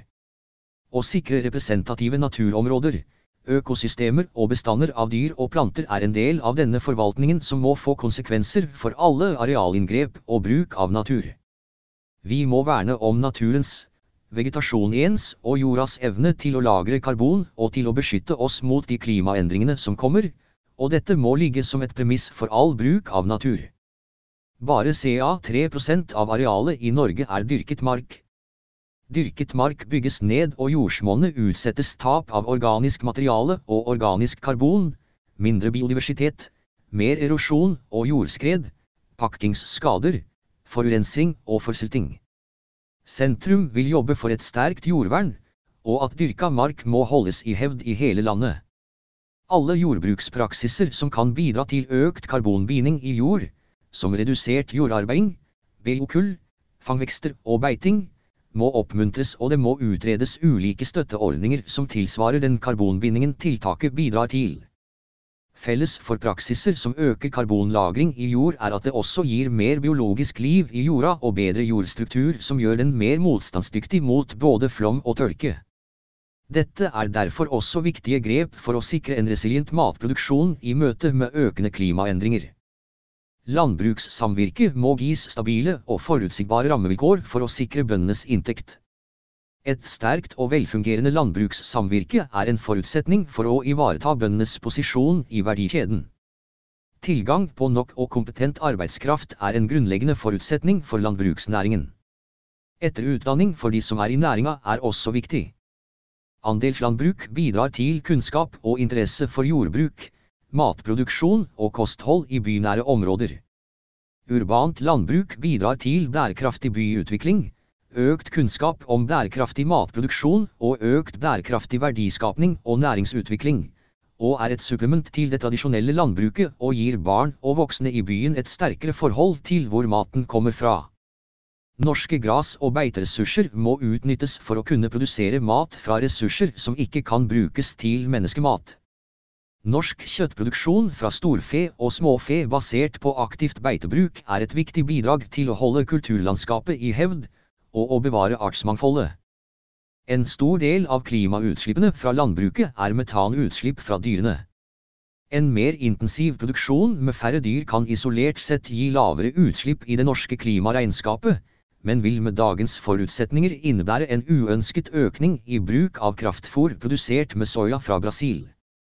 Bedre grovefær og økt norsk produksjon av råstoff til kraftfôr øker selvbergingsgraden, gir mulighet for nisjeproduksjon og flere grønne arbeidsplasser, og vil bidra til reduksjon i utslipp som ikke inngår i det norske klimaregnskapet. Sentrum vil arbeide for et levende landbruk i hele landet og en livskraftig næringsmiddelindustri med basis i landbruket, og legge til rette for at flest mulig unge som ønsker det får mulighet til å satse på et liv som bonde justere tilskuddsordningene i landbruket slik at de i økt grad stimulerer til økologisk drift og andre former for drift som sikrer mer bærekraft, karbonbinding i jord, økt biologisk mangfold og større robusthet mot klimaendringer. Styrke grasbasert husdyrhold i distriktene og stimulere til at arealene som egner seg til plantebasert matproduksjon i størst mulig grad brukes til dette. Øke selvforsyningen og matvareberedskapen gjennom å legge til rette for økt norsk produksjon av varer vi ikke er selvforsynt med i dag, som korn, frukt og grønt. Stimulere til bedre grovfr og FR-kvalitet i landbruket, med sikte på lavere klimagassutslipp og økt selvforsyning. Stimulere variert produksjon i hele landet og bidra til å opprettholde kulturlandskapet og en variert bruksstruktur.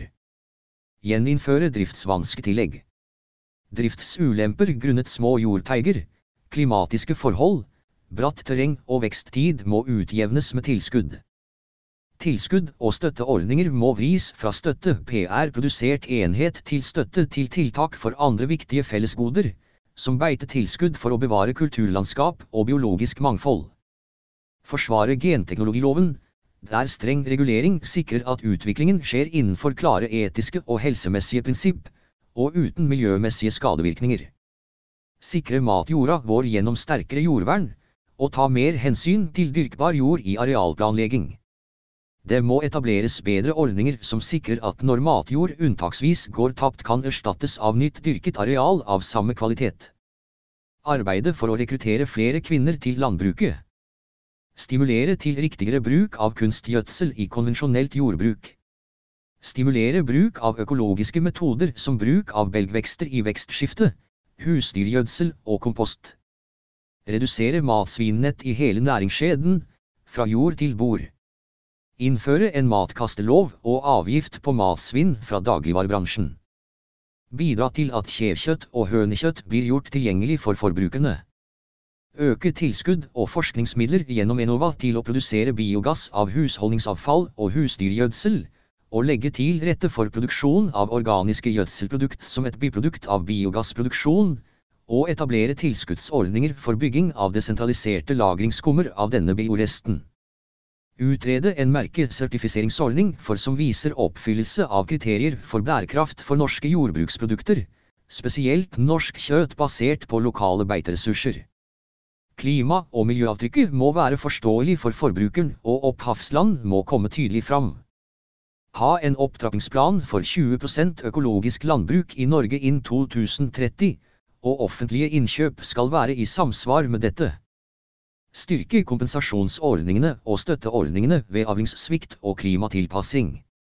Styrke naturskadeordningen og klimatilpasning i jordbruket. Gjeninnføre beredskapslagring av korn gjennom styrket gårdslagring og styrket nasjonal silokapasitet. Støtte opp om forskningsinnsatsen på mat og landbruk for å fremme klima- og miljøvennlig matproduksjon og stimulere til økt bruk av fremtidsrettet teknologi i landbruket, herunder teknologi for mer presisjonsjordbruk. Satse på forskning og utdanning for å ta i bruk ny kunnskap om mer klimasmart produksjon av mat, og ved resirkulering av avfall og husdyrgjødsel. Opprette ordninger som stimulerer til satsing på nisjeproduksjon og enklere markedstilgang for produktene, herunder markedsordninger som legger til rette for bedre tilgang av kortreiste lokale matprodukter i butikkene. Legge til rette for mer lokal, Småskala matproduksjon, eksempelvis gjennom andelsgårder, nabolagshager og urbant jordbruk. Sikre en velfungerende markeds- og produksjonsregulering og sikre samvirkets rolle som markedsregulator. Sikre tilsvarende ordninger for frukt og grønt.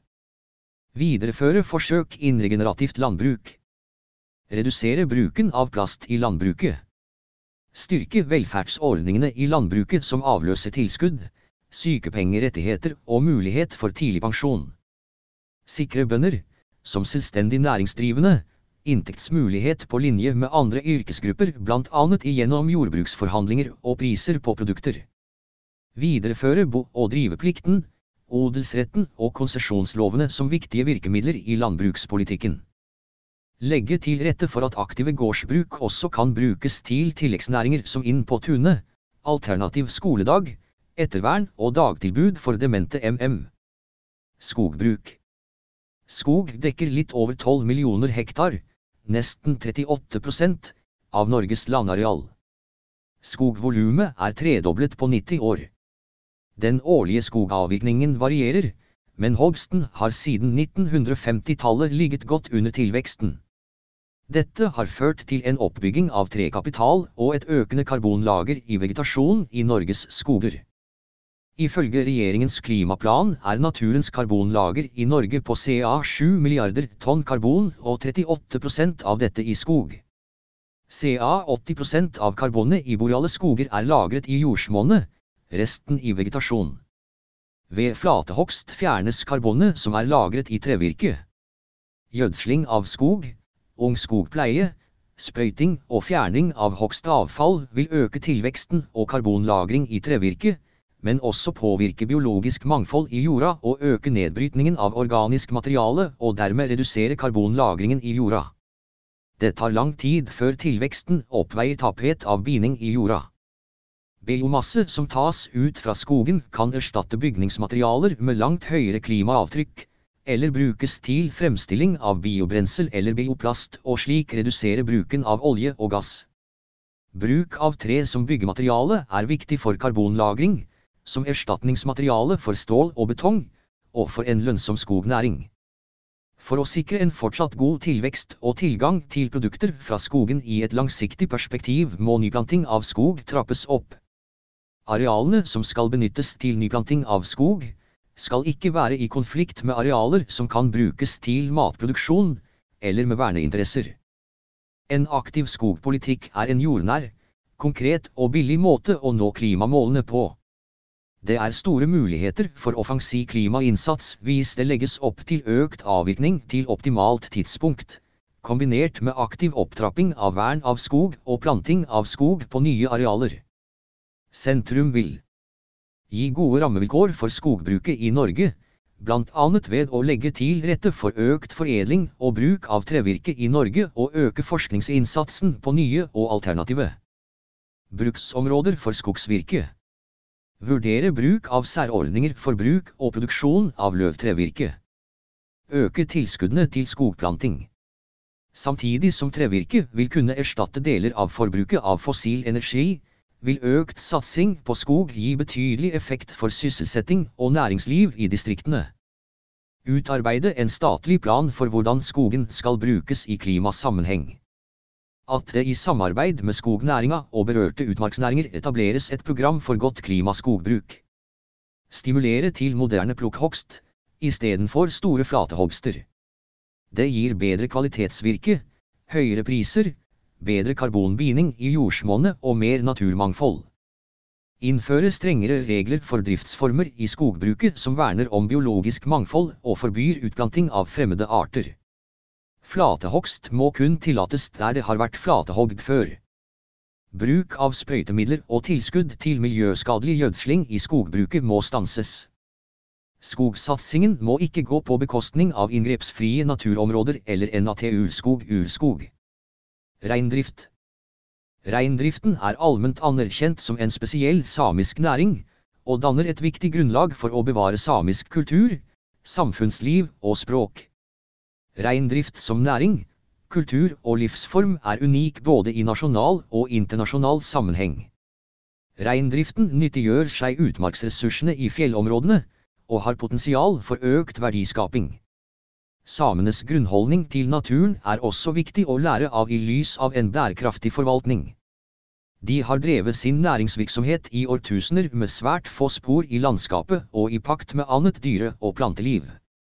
Det er betydelige muligheter knyttet til videreforedling av reinkjøtt og biprodukter fra rein, reiseliv og formidling av reindrifts samisk kultur og levesett.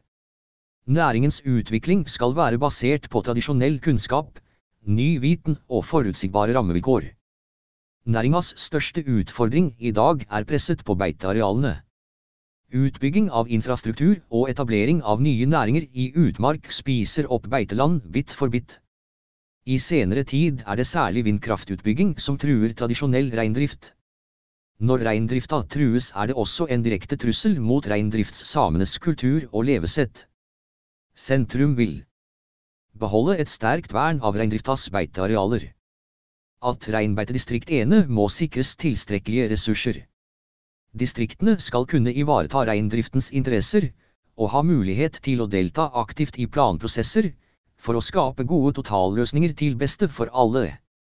Tilrettelegge for økt verdiskapning av kjøtt og biprodukter, samt satsing på kulturformidling og turisme basert på reindrift. Arbeide for en bedre beredskap ved klimaskapte beitekriser. Sikre retten til tradisjonell flytting over landegrensene. Ha en rovviltpolitikk som ikke utarmer reindrifta, og ha rovdyrfrie kalvingsområder. Sørge for at lovverket gjenspeiler samisk rettsoppfatning, nasjonal rettspraksis og internasjonal rett. Legge til rette for en reindriftsnæring som både er økologisk bærekraftig, økonomisk lønnsom og en viktig del av samisk kultur. Dyrevelferd Partiet Sentrum vil føre en politikk som fremmer god dyrevelferd og respekt for dyrene. Alle dyr har en egenverdi som er uavhengig av dets nytteverdi for mennesker. Partiet Sentrum vil opprettholde og utvikle et godt og strengt regelverk for dyrevelferd, basert på kunnskap om dyrenes behov. Dyrevelferden settes på prøve inn både landbruk og havbruk. Norge har bedre dyrevelferd og bedre dyrehelse enn mange andre land, annet gjennom mindre bruk av antibiotika. Krav om lønnsomhet innebærer et kontinuerlig press på stadig høyere produksjonsvolum og avl mot raskt voksende raser, og kan medføre at dyrevelferd lettere blir tilsidesatt. Dyrevelferd henger også sammen med bondens egen helse. Gode sosiale og økonomiske rammebetingelser, mulighet for faglig fellesskap, møteplasser og erfaringsdeling blant bønder kan virke forebyggende for dyrehelsen. Sentrum vil føre en land- og havbrukspolitikk som reguleres av strenge krav til dyrevelferd. Premiere satsing på dyrevelferd utover minstekravene i lovverket i jordbruksavtalen, og i større grad vektlegge dyrevelferd og dyrehelse i avlsarbeidet. Forby kirurgisk kastrering av hanngris, ettersom det finnes gode alternativer. Fortsatt forby forebyggende bruk av antibiotika og vekstfremmende midler i dyrefør. Styrke Mattilsynets rolle i land- og havbruket med tanke på både rådgivning og kontroll, slik at brudd på dyrevelferdsloven forebygges og håndheves. Styrke veterinærtilbudet med mer midler til den kommunale vakttjenesten og veterinære reiser, gjennom geografisk differensierte tilskudd. Videreføre forbudet mot oppdrett av pelsdyr og forby import av pels, samt sikre forutsigbare og gode omstillingstiltak for pelsdyrbønder som må avvikle sin virksomhet. Føre en restriktiv politikk for import av husdyr, kjæledyr og planter for å bevare den gode dyre- og plantehelsen i Norge.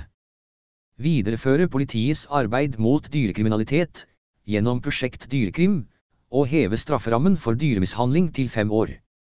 I størst mulig grad erstatte dyreforsøk med alternative metoder, men tillate bruk av dyr til forskningsformål gitt under strenge etiske retningslinjer jobbe for et forbud mot CO2-bedøvelse av dyr på slakteri, i tråd med faglige råd. Rovdyr. Ulv, bjørn, jerv og gaupe er alle på rødlista, som betyr at de er i større eller mindre grad står i fare for å bli utrydningstruet. Ulven har status som kritisk truet, bjørn og jerv er sterkt truet og gaupa er sårbar. Jerven har minst 25% av sin europeiske bestand i Norge. For at bestander skal være genetisk levedyktige og unngå langsiktige problemer med innavl og tap av genetisk materiale, må de bestå av minst 500 individer. Rovdyrene kjenner ikke landegrenser, og rovdyrpolitikken i Norge må ses i sammenheng med landet rundt oss. Kulturlandskap og rovdyr er begge deler viktige for norsk naturmangfold. Norge skal trygge områder for beite og samtidig bidra til levedyktige rovviltstammer. Denne todelte Målsetningen er grunnlaget for vår politikk, og regelverk og forvaltning skal støtte opp under den. Konflikten mellom beitedyr og rovdyr skaper sterke følelser, motsetninger og konflikt. Folk som bor i områder med nærhet til rovdyr, føler ofte frykt for seg og sine i det daglige. Dette er en frykt vi må ta på alvor. Det er viktig å skape tillit til forvaltningen og bidra til større trygghet for de som lever med rovdyr tett innpå seg. Dagens konfliktnivå knyttet til rovdyrforvaltningen er til hinder for en god og bærekraftig rovdyrpolitikk. Sentrum vil sikre en bærekraftig rovviltbestand i tråd med Stortingets forlik, naturmangfoldloven og våre internasjonale forpliktelser og videreføre den todelte målsettingen om å både ha levedyktige rovviltstammer og et aktivt beitebruk. Ha en tydelig og konsekvent soneforvaltning og et effektivt regime for uttak av rovvilt når det ikke truer bestandens overlevelse. Ha en høy beredskap slik at tapene av beitedyr skal bli så små som mulig. Sikre at bestandsmålene følges opp, for å skape tillit mellom befolkning og forvaltning. Sørge for dialog og lokal involvering, der det tas hensyn til at det å leve med rovvilt tett innpå seg kan medføre en belastning for både beitenæringen og lokalsamfunnet. Ivareta den regionale forvaltningen med rovviltnemnder. Sørge for gode erstatningsordninger ved tap av dyr i landbruksnæring, og for bønder som gjennomfører omstillingstiltak i de mest rovdyrberørte områdene. Bioøkonomi Bioøkonomi er virksomhet basert på det vi har gjort siden tidenes mål, høsting og foredling av naturressurser. Innenfor fiskeri, havbruk, jord- og skogbruk er det et stort potensial for nye arbeidsplasser og nye næringer, som lager alt fra nye materialer, mat, energi og medisiner. I dag eksporterer Norge i stor grad råvarer fra naturen. Mer foredling i Norge vil gi arbeidsplasser og øke ressursgrunnlaget for verdiskaping i form av mangfoldige ferdigvarer med høy verdi i et globalt marked. Den vil også skape grunnlag for klimakutt og utvikling av en global konkurransedyktig leverandørnæring. Den landbruksbaserte næringsmiddelindustrien er en sentral del av verdikjeden for trygg mat og kvalitetsvarer til forbrukerne. Den skal ha forutsigbare og konkurransedyktige rammevilkår. Dagens sterke maktkonsentrasjon i dagligvarebransjen rammer norske forbrukere. Det må sikres en bedre maktbalanse i verdikjeden for mat. Det skal gjelde norske lønns- og arbeidsvilkår og norske standarder innen helse, miljø og sikkerhet i norsk jordbruk. Den norske skogen byr på uante muligheter. Bruken av produktene fra skogen spenner fra tradisjonelle sagbruk til avansert biokjemi. En fremtidsrettet skogindustri bygger på en hel verdikjede fra frø og plante til det ferdige produktet. Økt bruk av skogens ressurser er både god industripolitikk og god klimapolitikk. Norge har gode forutsetninger for å bli verdensledende på å levere kunnskap og tjenester om trebruk og bærekraft kombinert med merkevarebygging. Mange produkter som kan utvikles av biomasse, brukes allerede innenfor matproduksjon, helse, bygg og i annen industri. Sentrum vil legge til rette for økt videreforedling av produkter fra skogen og satse på den grønne bioøkonomien. Sentrum vil etablere et Bionova etter modell fra Enova med en grunnfinansiering på 10 milliarder, der årlig avkastning benyttes til å støtte omstillings- og utviklingsprosjekter innen bioøkonomi, grønn jordbruks- og skogbruksteknologi. Etablere mål og programmer som bidrar til å øke industriproduksjon basert på bioøkonomi. Styrke bioøkonomiprogrammet og treprogrammet i Innovasjon Norge, og etablere føringer om bruk av norsk trevirke i ordningen Innovasjon i offentlige anskaffelser. Favorisere biobaserte produkter som er kortreist og inngår i en sirkulær økonomi, f.eks.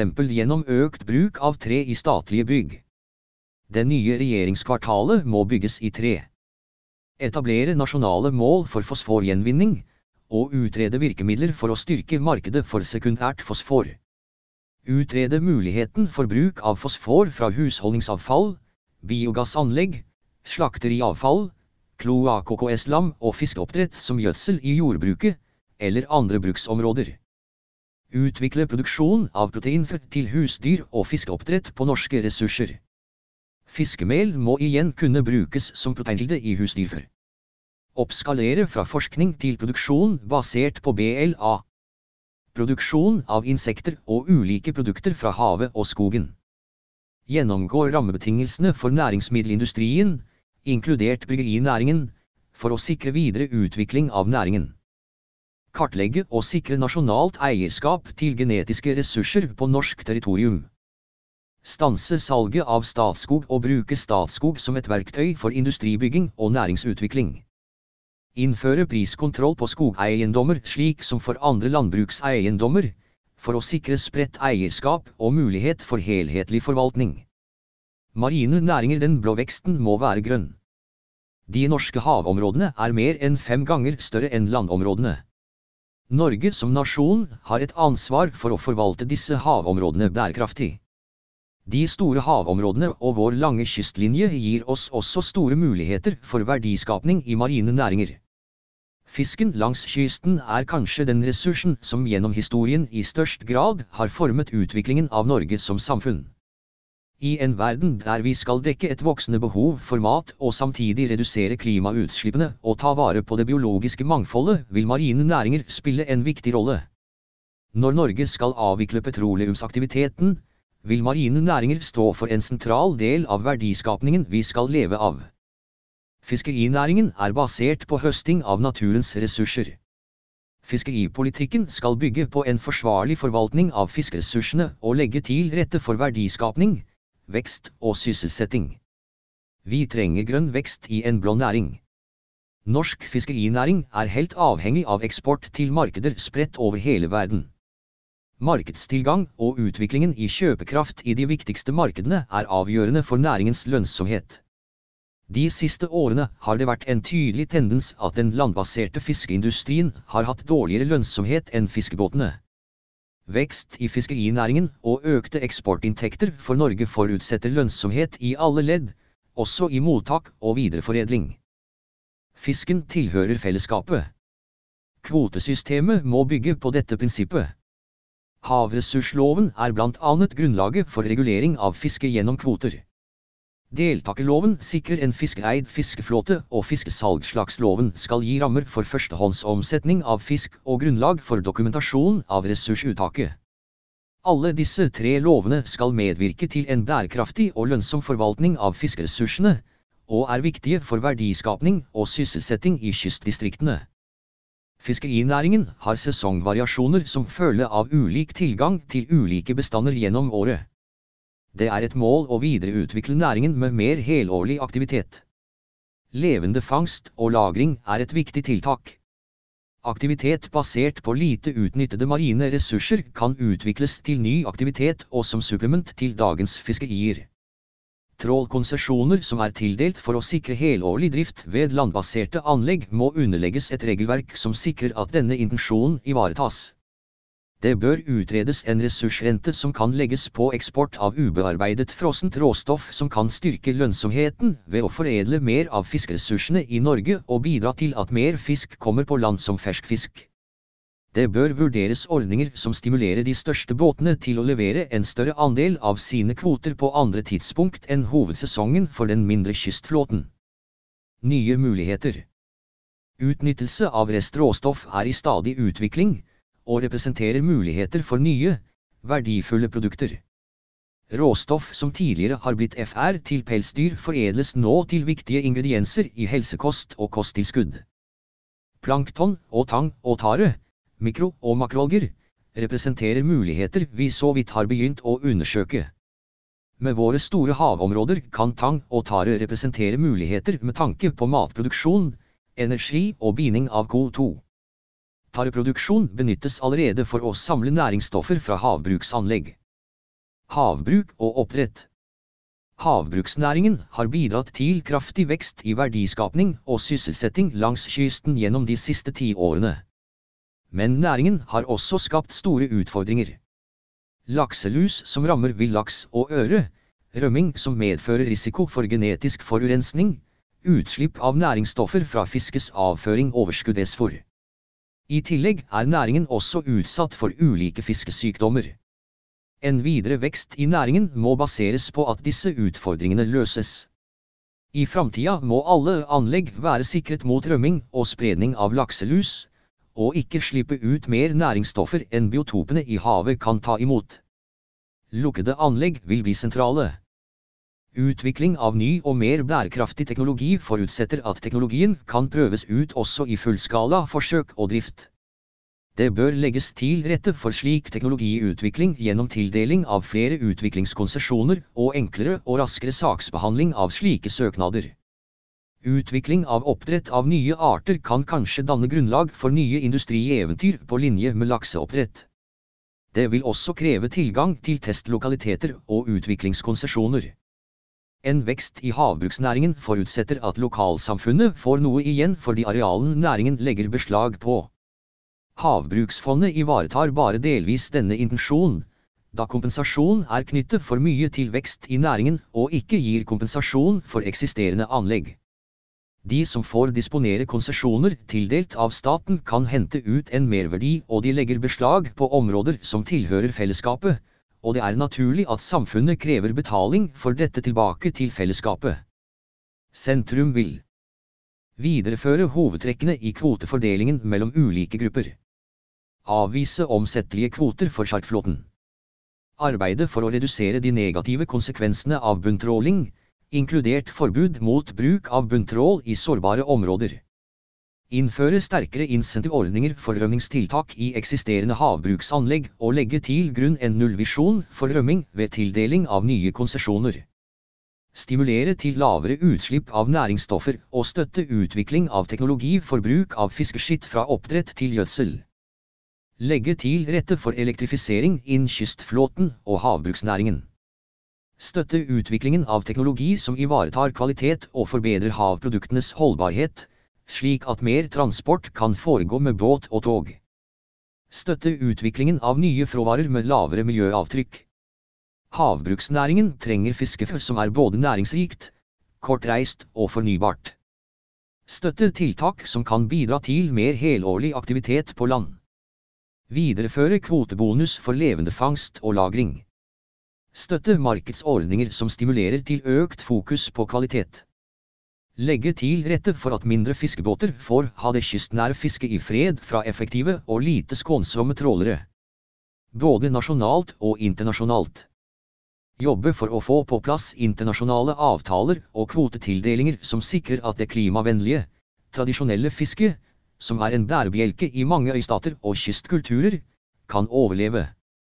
Sikre finansiering til forsknings- og utviklingsprogrammer for marine næringer, og sikre kommersialisering av ny næring basert på tang, tare, plankton og andre lite utnyttede arter. Utvikle ordninger som kan redusere omfanget av uønsket BI-fangst. Etablere egne gjenoppbyggingsplaner for utrydningstruede arter som pigghå, håbrann og vanlig uer, samt for bestander på historisk lavt nivå som kysttorsk og hummer i norske farvann. Støtte grunnrenteskatt i form av en areal- eller produksjonsavgift for havbruk som supplement til Havbruksfondet. Bærekraftige byer og levende lokalsamfunn. Vi bor alle i et lokalsamfunn, enten det er i ei bygd, et tettsted eller ei gate i en større by. Sentrum ønsker en politikk som skaper lokalsamfunn der det er godt å bo, der folk kan føle tilhørighet, oppleve tillit, delta i samfunnet og realisere sitt potensial. Hvis vi skal bygge bærekraftige byer og lokalsamfunn, krever det politisk innsats lokalt, regionalt og nasjonalt, og vi må forholde oss til hva som skjer i verden rundt oss. Kommuner og regioner. Kommune er kjern i velferdssamfunnet vårt. De har ansvar for en stor mengde områder og fagfelt, som barnehager, skoler, eldreomsorg, primærhelsetjenester, vann, avløp og renovasjon, næringsutvikling, lokalt veinett, arealforvaltning og samfunnsplanlegging. Et viktig kjennetegn ved det norske kommunesystemet er generalistkommuneprinsippet. Det innebærer at alle kommuner har ansvar for de samme oppgavene og tjenestene. De senere år har kommunene har fått tildelt oppgaver som til tider løses best på et nivå med flere innbyggere enn vi har i mange små kommuner, og flere oppgaver er løses gjennom interkommunalt, regionalt samarbeid. Vi må sikre like tjenester over hele landet. Vi har tillit til at kommunene organiserer sitt tjenestetilbud slik at det blir best mulig for sine innbyggere. Vi vil sikre lokal politisk innflytelse på regionalt samarbeid. Sentrum vil ha tre forvaltningsnivå i Norge og vi vil styrke regionene som en regional tjenesteleverandør og utviklingsaktør. Kommunene er tilført stadig nye oppgaver, uten at de er tilført tilstrekkelige økonomiske ressurser. Det er nødvendig å styrke kommuneøkonomien for å sikre kommunenes mulighet til å levere gode tjenester, styrke vedlikeholdet av bygninger og veier og ruste opp infrastrukturen for vann og avløp i møte med klimaendringene. Staten har gjennomført en rekke reformer og har ulik regional inndeling for ulike fagområder veiregioner, politidistrikt, helseregioner, domstolene, regionene. Det bør være et mål over tid å samordne den regionale inndelingen mellom ulike statlige institusjoner. Regionreformen endte med noen regioner som ikke representerer naturlige geografiske regioner. Sentrum vil ha en gjennomgang av konsekvensene av regionreformen, statens egen regioninndeling og hvordan flere oppgaver kan overføres til fylkene. Se også Kapp. 2.14 Rom for alle, boligpolitikk. Sentrum vil videreutvikle modeller for å sikre at kommunene har kompetanse på å levere de tjenester de har et ansvar for, eksempelvis med interkommunalt samarbeid eller statlige kompetansemiljø. Organiseringen må sikre lokal medbestemmelse og samtidig ivareta kvalitet og faglig innhold i de spesialiserte tjenestene. Styrke offentlig samarbeid på tvers av kommuner, organisatoriske enheter og forvaltningsnivåer. Beholde tre forvaltningsnivåer og åpne for justeringer av regionreformen sett i forhold til oppgavefordelingen. Vann, avløp og renovasjon. Mange drikkevannskilder er under press både når det gjelder arealer og forurensning, og er utsatt for naturkatastrofer som ras og flom. Partiet Sentrum mener at rent vann er en av våre viktigste ressurser, og at Norge må ha et strengt regelverk for å ta vare på drikkevannskilder. Staten må ta et overordnet ansvar, faglige retningslinjer og gjennomføre tilsyn som sikrer innbyggere tilgang på rent drikkevann og gode sanitærforhold. Kommunene skal ha ansvaret for å ivareta arealer og infrastruktur for både offentlige og private vannverk. Industri, jordbruk og andre næringer må forholde seg til lover for lokal miljøforurensning, og brudd på lover må medføre bøter eller andre former for sanksjoner. Å ha reservoarer av rent drikkevann vil være en god løsning for krisehåndtering av situasjoner hvor drikkevannskildene forurenses. Klimaendringene betyr for Norges del at vi må forvente mer nedbør og ekstremvær som flom, ras og tørke. Fortetting og mindre vegetasjon gjør at mange steder er ekstra utsatt. Mange norske byer og tettsteder er sårbare og har et rør- og avløpsnett som er for dårlig vedlikeholdt og dimensjonert for dagens bruk. Partiet Sentrum ønsker å oppruste infrastruktur og at naturbaserte løsninger som hovedregel skal velges der det er mulig. Kommunene har et ansvar for å legge til rette, slik at innbyggere og hyttegjester enkelt kan bli kvitt sitt avfall. Det krever god tilgjengelighet av returpunkter, åpningstider tilpasset innbyggernes behov. Avfall er ressurser på avveie. Det gjelder når det havner i naturen, men det gjelder også når avfall ikke blir tatt vare på og utnyttet. Renovasjonspolitikken må bygge på avfallshierarkiet, med avfallsreduksjon, reparasjon, gjenbruk, materialgjenvinning, resirkulering, energigjenvinning og deponering. Målet er å løse avfallsutfordringer med tiltak så høyt i hierarkiet som mulig, der første steg er å unngå at avfall blir produsert og dernest å reparere og gjenbruke framfor å kaste. Sentrum vil at alle kommuner skal ha grundige risiko- og sårbarhetsanalyser som inkluderer drikkevannskilder og sanitærforhold.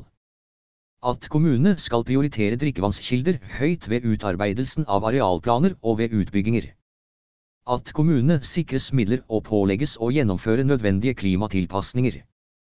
Oppruste rør- og avløpsnett og annen infrastruktur, og prioritere naturbaserte løsninger i dette arbeidet.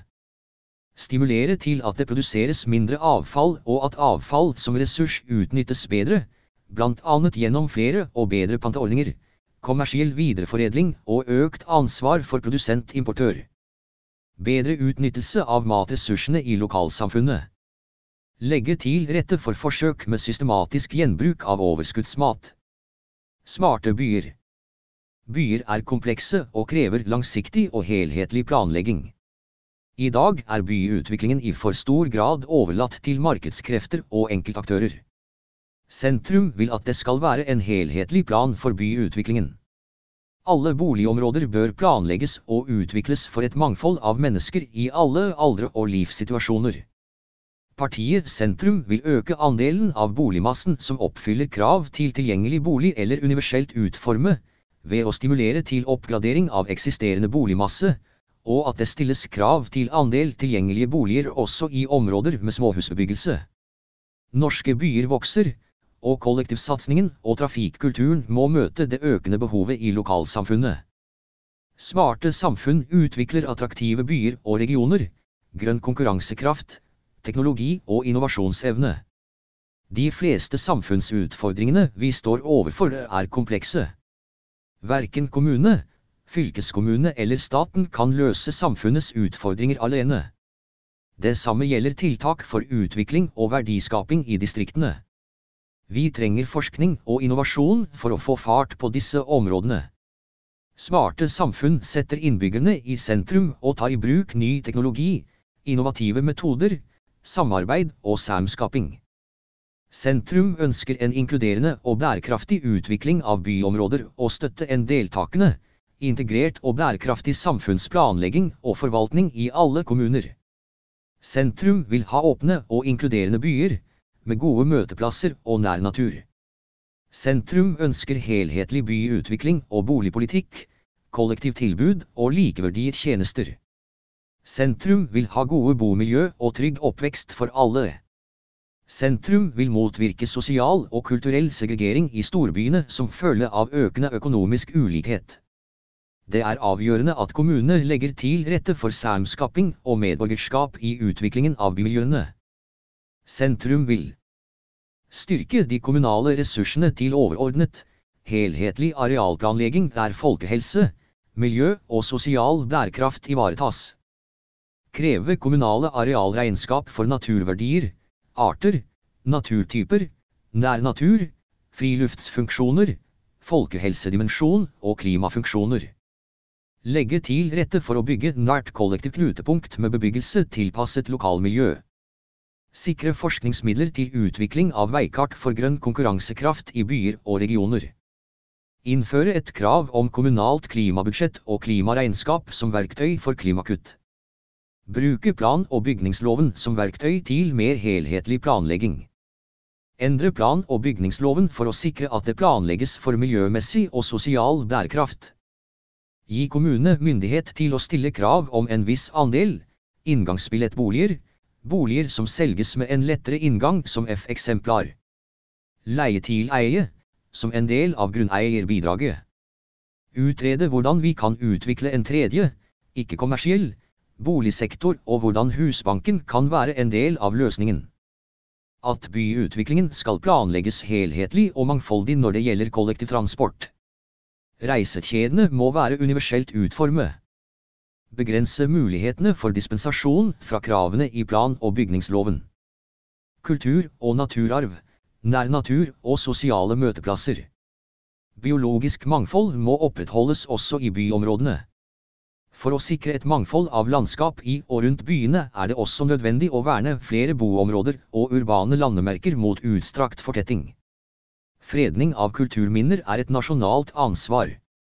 Det handler om å kunne kjenne seg igjen i sine omgivelser og ta vare på tilknytningen til byen sin. Alle bør ha tilgang til trygge, inkluderende og tilgjengelige grøntområder og offentlige rom. Sentrum vil at lokalmiljøene i byene skal preges av sosial bærekraft med sosial infrastruktur inne og ute, hvor folk kan bruke livene sine, bygge identitet og tilhørighet. Nær natur må kompensere for mer og mer fortetting for å ta vare på folkehelsa. Sentrum vil sikre en variert bebyggelse i storbyene og bevare fungerende, etablerte småhusområder. Frede flere urbane landemerker, boligområder og bymiljøer som kulturminner. Benytte markaloven som modell for flere bynære naturområder. Nybygg bør legge til rette for med balkongkasser og ha grøntarealer der det er mulig å dyrke planter og mat for humler og bier og skape muligheter for urbant landbruk. Støtte investeringer i arealer og infrastruktur forbeholdt sosiale møteplasser og grøntområder. Sikre barnevennlige og bilfrie boligområder. Legge til rette for urban boligbygging med parsellhager.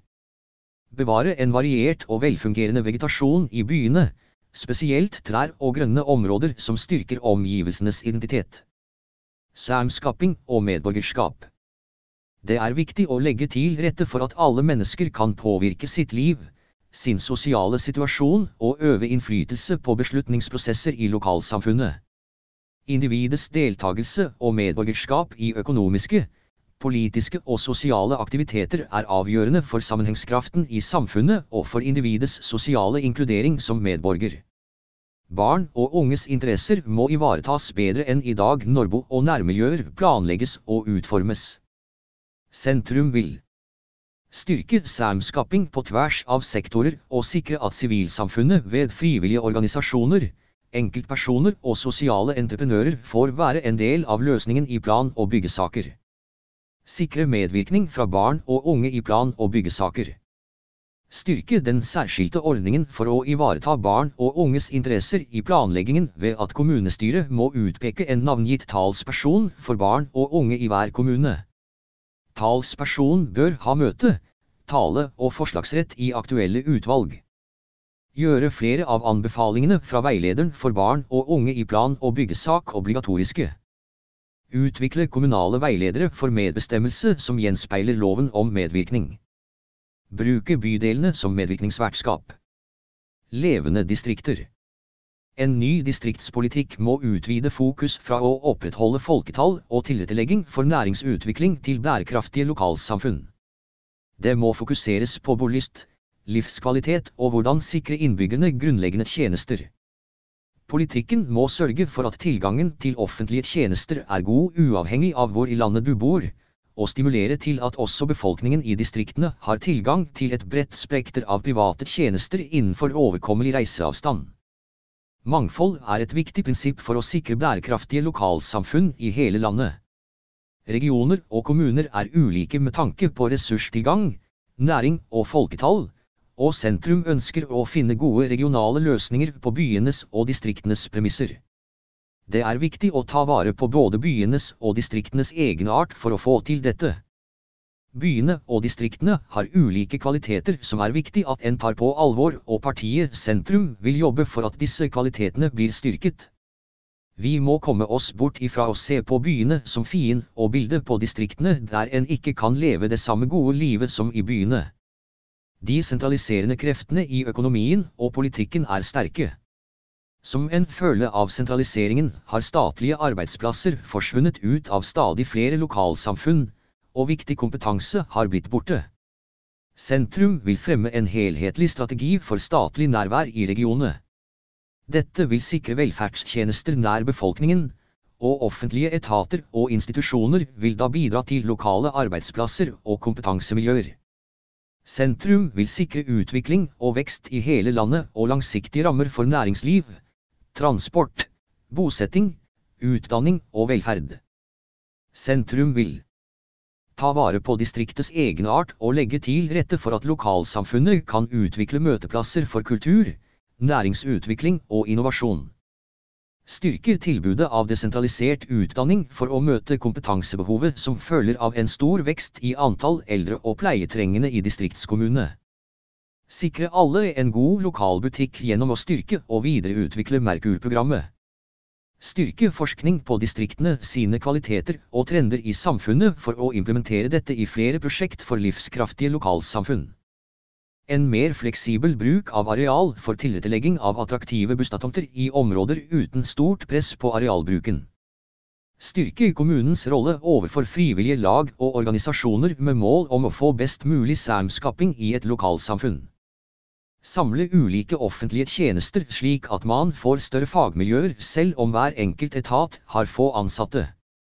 Flere statlige stillinger bør lyses ut med mulighet for kontorsted utenfor hovedkontoret gi fylkeskommuner, kommuner og virkemiddelapparatet mer myndighet til å gjøre lokale og regionale vurderinger i arbeidet med å skape nye arbeidsplasser. Videreføre ordningen med differensiert arbeidsgiveravgift. Kompetanse, utdanning og arbeidsmarked. Arbeidslivet, både i privat og offentlig sektor, stiller stadig større krav til kompetanse. En forutsetning for å lykkes i distriktspolitikken og å sikre et godt tjenestetilbud er at vi klarer å utdanne nok folk. Sentrum mener at videregående skole, universitet og høyskoler er nøkkelfaktorer for å ivareta og utvikle bærekraftige lokalsamfunn. Sterke fagmiljøer i samarbeid med lokalt nærings- og samfunnsliv vil legge grunnlag for nødvendig mangfold i kompetanse og videreutdanning, evne til omstilling og tverrfaglig innovasjon. Desentralisert utvikling av regionale universitets- og høyskolecampus er grunnleggende for samfunnsutviklingen i en region. Spesielt innenfor profesjonsfagene er det viktig at statlige utdanningsinstitusjoner har som samfunnsoppdrag å være til stede med både studietilbud og relevante fagmiljø. Sentrale krav til faglig konsentrasjon må ikke gå på bekostning av kontakt og nærhet med kommuner og arbeidsliv. De som føler desentraliserte studier, velger i langt større grad å bli boende og jobbe i distriktene. Det må legges til rette for de som vil flytte til eller tilbake til distriktene etter endt studium.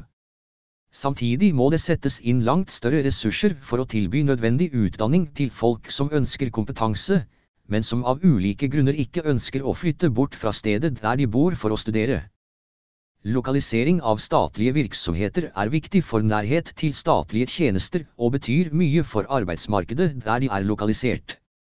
Det er et mål at en større del av statlige arbeidsplasser lokaliseres utenfor Oslo og de største byene.